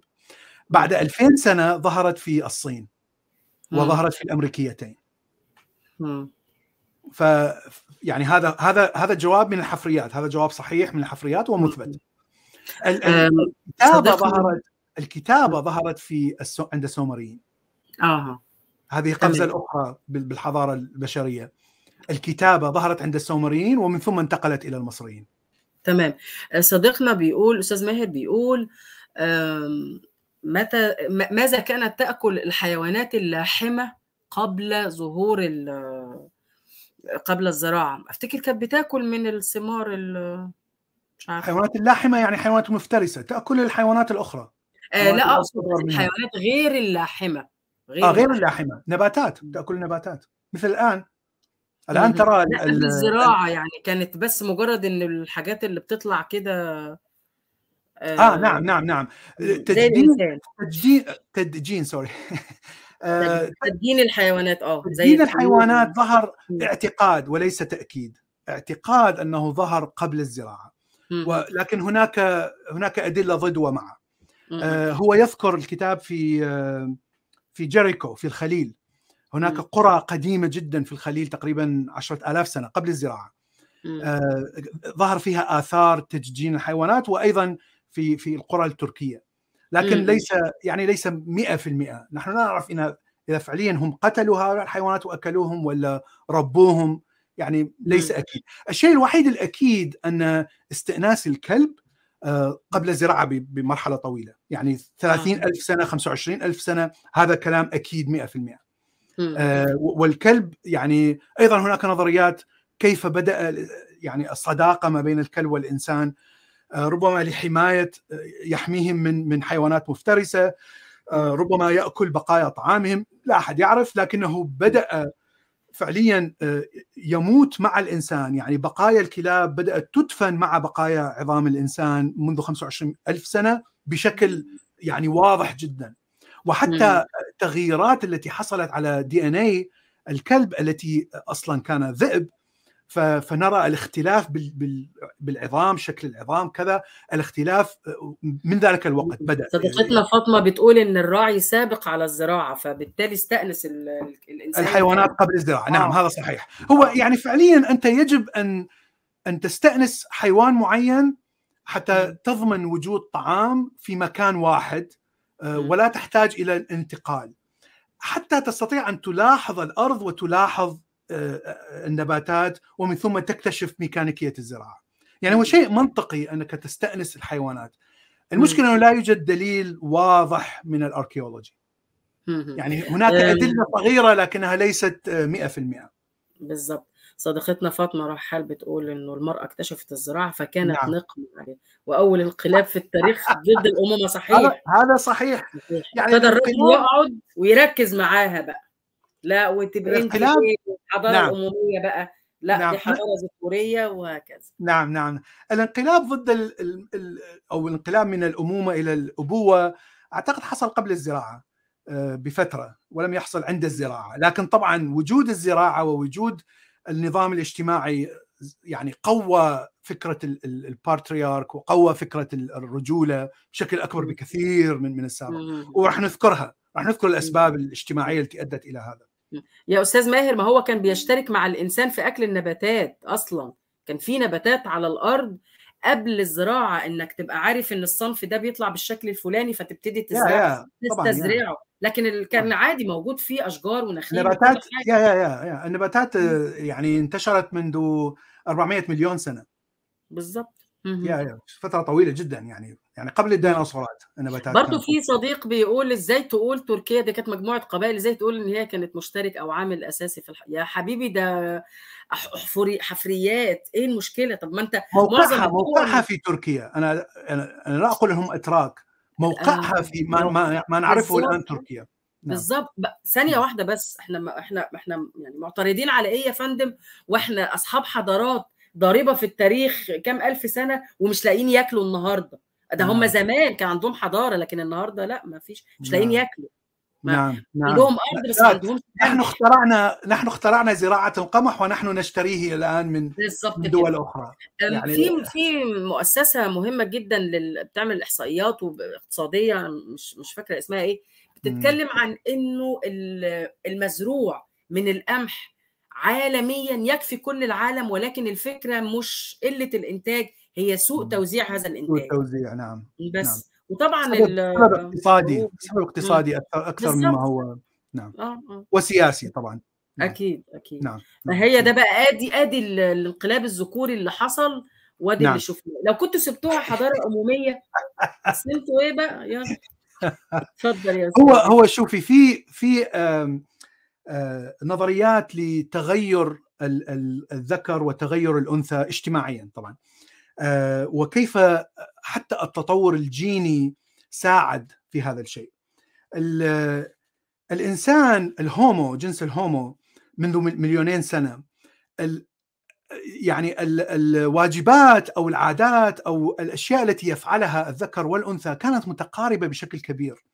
ولهذا لا نرى فرق بين حجم الأنثى وحجم هناك فرق لكن فرق بسيط. 10% الذكر أكبر من الأنثى 10% 15% ليس أكثر. يعني العظام مثلا أكبر حتى حجم المخ أكبر لكن نسبة بسيطة 10% ليست نسبة كبيرة. عندما ننظر إلى الشمبانزي والغوريلا الاستروبيثيكس الجنس الذي قبل الهومو لا الفرق كبير. الغوريلا الذكر تقريبا 50% أكبر من الأنثى يعني أكبر بكثير ولديه نسبة عضلات ونسبة عظام وكذا لأن دور الذكر يعني متغير بشكل كبير عن دور الأنثى في في مجتمعات الشمب والشمب والغوريلا لكن أبيان دور الذكر والأنثى ليس فيه فرق شديد. الأنثى تستطيع أن تصيد لديها قوة عضلية تستطيع أن يعني الأشياء الفيزيائية التي يفعلها الذكر والأنثى طبعا بغض النظر عن ولادة الأطفال وتغذية الأطفال الذي هي فقط عند الأنثى لكن رعاية الأطفال حتى رعاية الأطفال هذا موجود عند الذكر والأنثى الاثنين ولهذا لا نرى فروقات كبيرة نسبة إلى الحيوانات الأخرى. الشيء الذي الذي حدث أن وهذه نظرية أخرى تسمى بالتطور الجنسي أن الصفات التي تتطور وهذا كلام تطور جيني يعني تطور بسيط هو ما يفضله الجنس الآخر.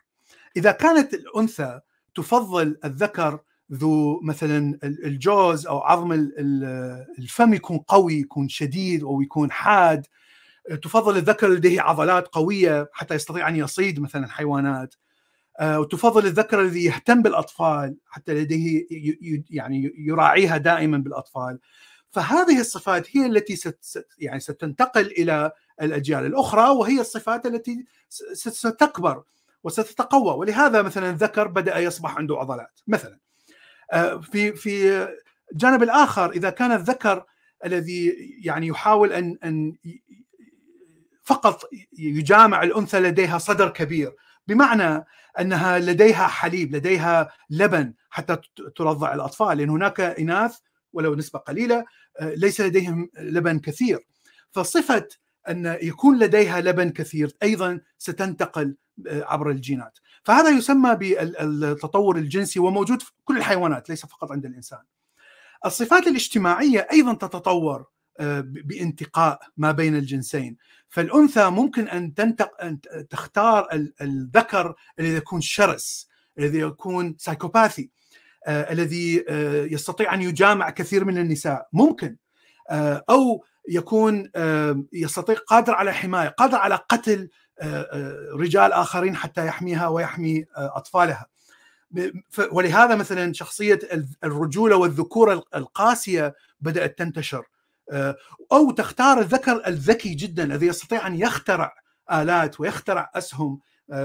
سلاح للصيد وإلى آخره فترى أن الذكر الذي يستطيع أن يخترع هو الذي يعني تطور.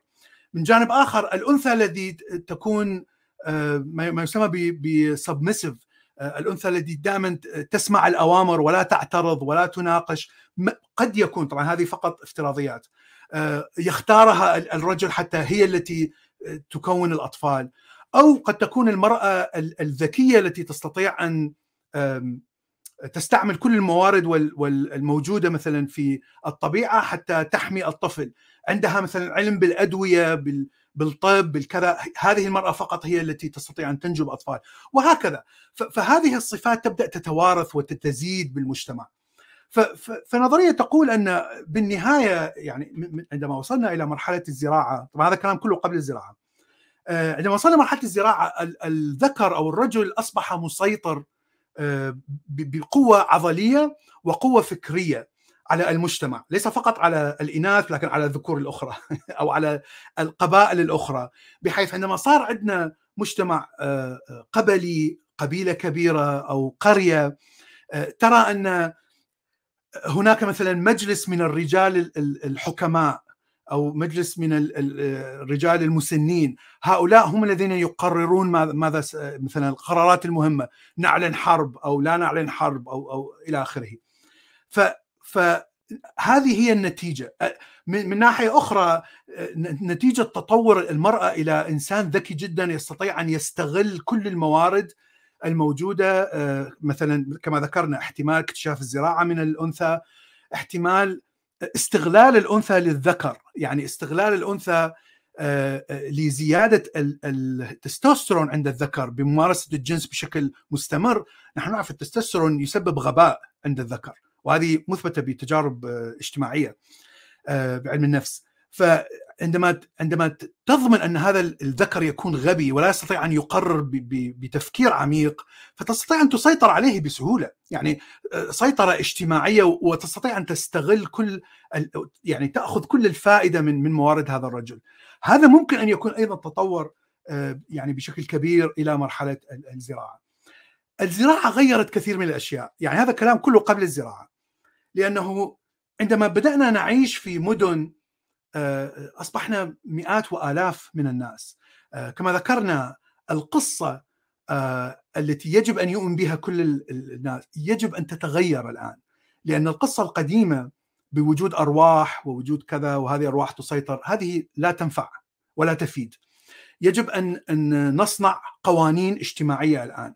القوانين يجب أن تحدد ماذا نفعل إذا صار عندنا مشاكل. المشاكل قد تكون يعني آه، حرب على أرض حرب على ريسورسز على آه، ممكن أن يكون شخص قتل شخص. ف آه، أو أو اختلاف معه. هذه مشاكل تحصل دائما حتى في قبل الزراعة. الحل كان هو صراع حتى الموت والشخص المتبقي هو الذي يعيش. لكن الآن ونحن نعيش في آلاف ومئات الآلاف من من المجتمعات يجب أن تتغير القوانين. وهذا ما حصل طبعا في آه، الدولة السومرية في البداية والأكاديين حمورابي مثلا أشهر آه، شيء لكننا يعني هناك شبه تأكيد أن هناك قوانين قبل حمورابي لأنه الدولة السومرية بدأت 5000 سنة قبل الميلاد و أول مملكة مصرية 3000 سنة قبل الميلاد. يعني هاي فترة طويلة جدا. 2250 سنة سرجون الأكدي آه، أسس الإمبراطورية الأكدية التي كان لديها مليون شخص يعني المواطنين أو أو التابعين للإمبراطورية الأكدية. آه، لكن آه، يعني فكرة القوانين والقوانين الاجتماعية لم نعثر لها على آثار واضحة مثل حمورابي واللي هو قوانين حمورابي واللي هي مكتوبة 1776 قبل الميلاد يعني يعني فترة ما بعد السومريين والمصريين بفترة طويلة. فإذا أكيد كان عندهم قوانين اجتماعية. ونحن أيضا نرى طبعا اختراع الكتابة كان ثورة أخرى تقريبا 2500 سنة الاختراع بدأت عند السومريين بالعراق وانتشرت بسرعة إلى إلى مصر. في في 2000 سنة قبل الميلاد الصينيين اخترعوا الكتابة بشكل منفصل تماما. والمايا اخترعوا الكتابة أيضا بشكل منفصل أعتقد بعد الصينيين بفترة. ف في البداية يجب أن أن نصنع قوانين اجتماعية وهذه هي فكرة حمورابي. نحن نلاحظ أن فكرة حمورابي يعني قوانين حمورابي غريبة حتى قريبة للقوانين الدينية الإبراهيمية. أنك إذا كنت غني أو الطبقه العالية قال إنه اصفار موسى الخمسة واخد كلها معظمها أخذت كوبي نعم. وسنراها الآن. يعني في قوانين حمورابي الطبقه النبلاء أو العلية إذا شخص قتل واحد من من شخص آخر من نفس الطبقة فإذا يقتل. لكن إذا شخص في الطبقه العلية قتل امرأة أو عبيد أو طبقه طبقة أقل زي الإسلام بالضبط. فهو لا يقتل لكن يدفع أموال. دية إذا إذا قتل امرأة عظيمة الشأن من من الطبقة العليا فإذا تقتل امرأته تقتل امرأة هذا القاتل. وهي م. موجودة بالقرآن ال ال ال الأنثى بالأنثى والعبد بالعبد. نفس نفس القانون موجود واللي هو طبعا موجود بالتوراة. فهذه القوانين طبعا تبدو لنا قوانين ظالمة. يعني أنا أنا قتلت عبد ليش ينقتل عبد عندي؟ ما هو ذنب هذا العبد اللي عندي حتى ينقتل لكن بالنسبة لهم كان هذه عدالة. هذه هي العدالة لأنك قيمة العبد ليست مثل قيمة الإنسان الحر الغني. لأنه كان هناك يجب أن يكون هناك تفرقة طبقية. وهذه كانت كانت جزء من القصة جزء من الدراما جزء من الديانة أو فكرة الديانة التي يجب أن يقتنع بها البشر الكل حتى يعيشوا في هذا النظام. يجب أن يكون هناك آلهة. ويجب أن تكون هذه القوانين تأتي من الآلهة. و... ولأنها تأتي من الآلهة لأن الآلهة تعرف كل شيء مطلقة الحكمة مطلقة الكذا لأنها تعرف كل شيء فاذا هذه القوانين ممكن تطبيقها في كل زمان وكل مكان. وهذا ما نراه كلما يأتي ثورة اجتماعية إنسانية جديدة تطرح قوانين جديدة اجتماعية أيضا تقول أن هذه القوانين تكون صالحة لكل مكان وزمان. وهذه اسطوانة المشروخه نسمعها أيضا من الإسلاميين والمسيحيين واليهود أن القوانين الدينية تصلح لكل طبعا كل هذا كلام غلط. حتى القوانين الآن الاجتماعية الجميلة الآن في الدول الإسكندنافية أيضا لا يمكن أن تكون مطلقة ولا يمكن أن أن تنفع في كل مكان وزمان. لأن كل مكان وزمان يتغير بتغيير الظروف الظروف الاقتصادية ظروف سياسية الأفكار تتغير كل شيء يتغير بالزمن. ف لكن حتى أجبر الإنسان على الاقتناع يجب أن أقول أن هذه القوانين تأتي من الآلهة. الآن كيف كيف أقنع مليون شخص بهذه القصة؟ طبعا هذه القصة كما نقول فقط يقتنع بها ال ال الإنسان غير م... فيزيائيا غير موجودة في الطبيعة، لا يوجد شيء اسمه دين إسلامي، لا يوجد شيء اسمه دين مسيحي في, في زي ما شرحها هو شرك شركة بيجو. مثل بيجو مثل شركة تويوتا، لا يوجد هذا الشيء في الطبيعة. اذا كيف أقنع؟ طبعا الإقناع بدأ بالبداية بالقوة. المجموعة التي لا تقتنع بفكرة العبيد نقتلهم إلى ان أو نجبرهم على الاقتناع. لكن بعد فترة عندما بدأ الدين يتطور فكرة الدين من من أفكار الأرواح الخارجية طبعا اللي كانت موجودة إلى فترة عشرين ألف سنة إلى فكرة الآلهة التي تؤثر على هذه ليست أرواح لكنها آلهة لديها قدرة عظيمة. إلى فكرة أن هذه الآلهة تؤثر علينا شخصيا ويجب أن نبني معابد لها حتى يعني نرتاح من من شرها. إلى إلى فكرة أن هذا الإله هو فقط إله الذي يهتم بقبيلتي، الفكرة القبلية الواضحة في الأديان الموجودة كانت يعني قبل المسيحية، قبل المسيحية بألف سنة. أنه كل مدينة لها إله وكل حضارة لها إله معين. وهذا الإله هو إله قبلي فقط يحب هؤلاء الناس. إلى فكرة اليهودية واعتبار إلههم هو إله الوحيد في الكون أو أو, الموحدة الفكرة التوحيد وطبعا مرورا إلى المسيحية والإسلام. فهذه كلها بدأت تنتشر بشكل كبير مع انتشار الزراعة. والحكام اكتشفوا أن الدين ممكن أن أستعمله للسيطرة على عقول البشر وإقناعهم بأن هذه القوانين هي أتت من الإله بدون حرب. أنا أستطيع أن أقنع هذا الشخص إذا ما أقنعت أطفال الذين يولدون كل شو اسمه كل جيل. آه، إذا اعلمهم اعلم الأطفال أن هذه القوانين من هذا الإله وأننا يعني هذه هذه يجب أن نتبعها حتى تكون الحضارة قوية وفكرة القبليه نحن أفضل من الغير إلى آخره، يعني هو system معقد ليس system بسيط لكن ال system المعقد الديني الذي نعرفه الآن تطور في ذلك الوقت واكتشف الحكام أنه باستعمال هذا السيستم أستطيع أن أسيطر على ملايين من الناس. فإذا لا يوجد داعي إلى ان أن أفرض ال ال ال هذه القصة بالقوة، لكن أستطيع أن أفرضها بالإقناع بوجود هذا الدين الذي يدعي بوجود آلهة.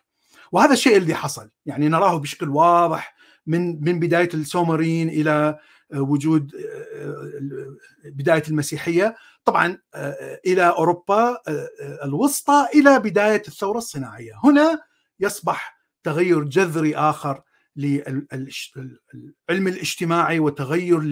للإنسان الهوموسيبيان الإنسان العاقل وتغير في السلوك والاقتصاد والسياسة ليس لها علاقة بالقصة الدينية السابقة القصة المسيحية واليهودية والإسلام. وهذا الشيء اللي نتكلم عنه في الحلقة القادمة. جميل جدا. اقتربنا من الساعتين بالفعل. في أصدقاء بتسأل أسئلة كتير إحنا تقريبا جاوبنا عليها في بداية الحلقة. زي متى تم اكتشاف النار آه، وما إلى ذلك. فأرجو تسمع الحلقة. آه، ورجاء أيها الأصدقاء تشتركوا في قناة الأستاذ بلال وتشتركوا في القناة بتاعتنا. وفعلوا زر الجرس في القناتين حتى يأتيكم كل جديد. إن شاء الله معادنا يوم الجمعة اللي جاي هنتكلم على الجزء الثاني من الكتاب. وفي كتب تانية أستاذ بلال إحنا الصراحة يعني وقعنا على صيد سمين ومش هنسيبه أستاذ بلال. فأتمنى بس يسع صدره لينا و ونكمل آه، صراحة موسوعة يعني أستاذ موسوعي زي ما الأصدقاء كتير قالوا على الـ على الـ على اللايف شات. أنا بشكرك جدا على الحلقة الجميلة دي. آه، على وعد بلقاءات أخرى. أترككم بخير. تصبحوا على خير. تصبحوا على خير استاذي مع السلامة.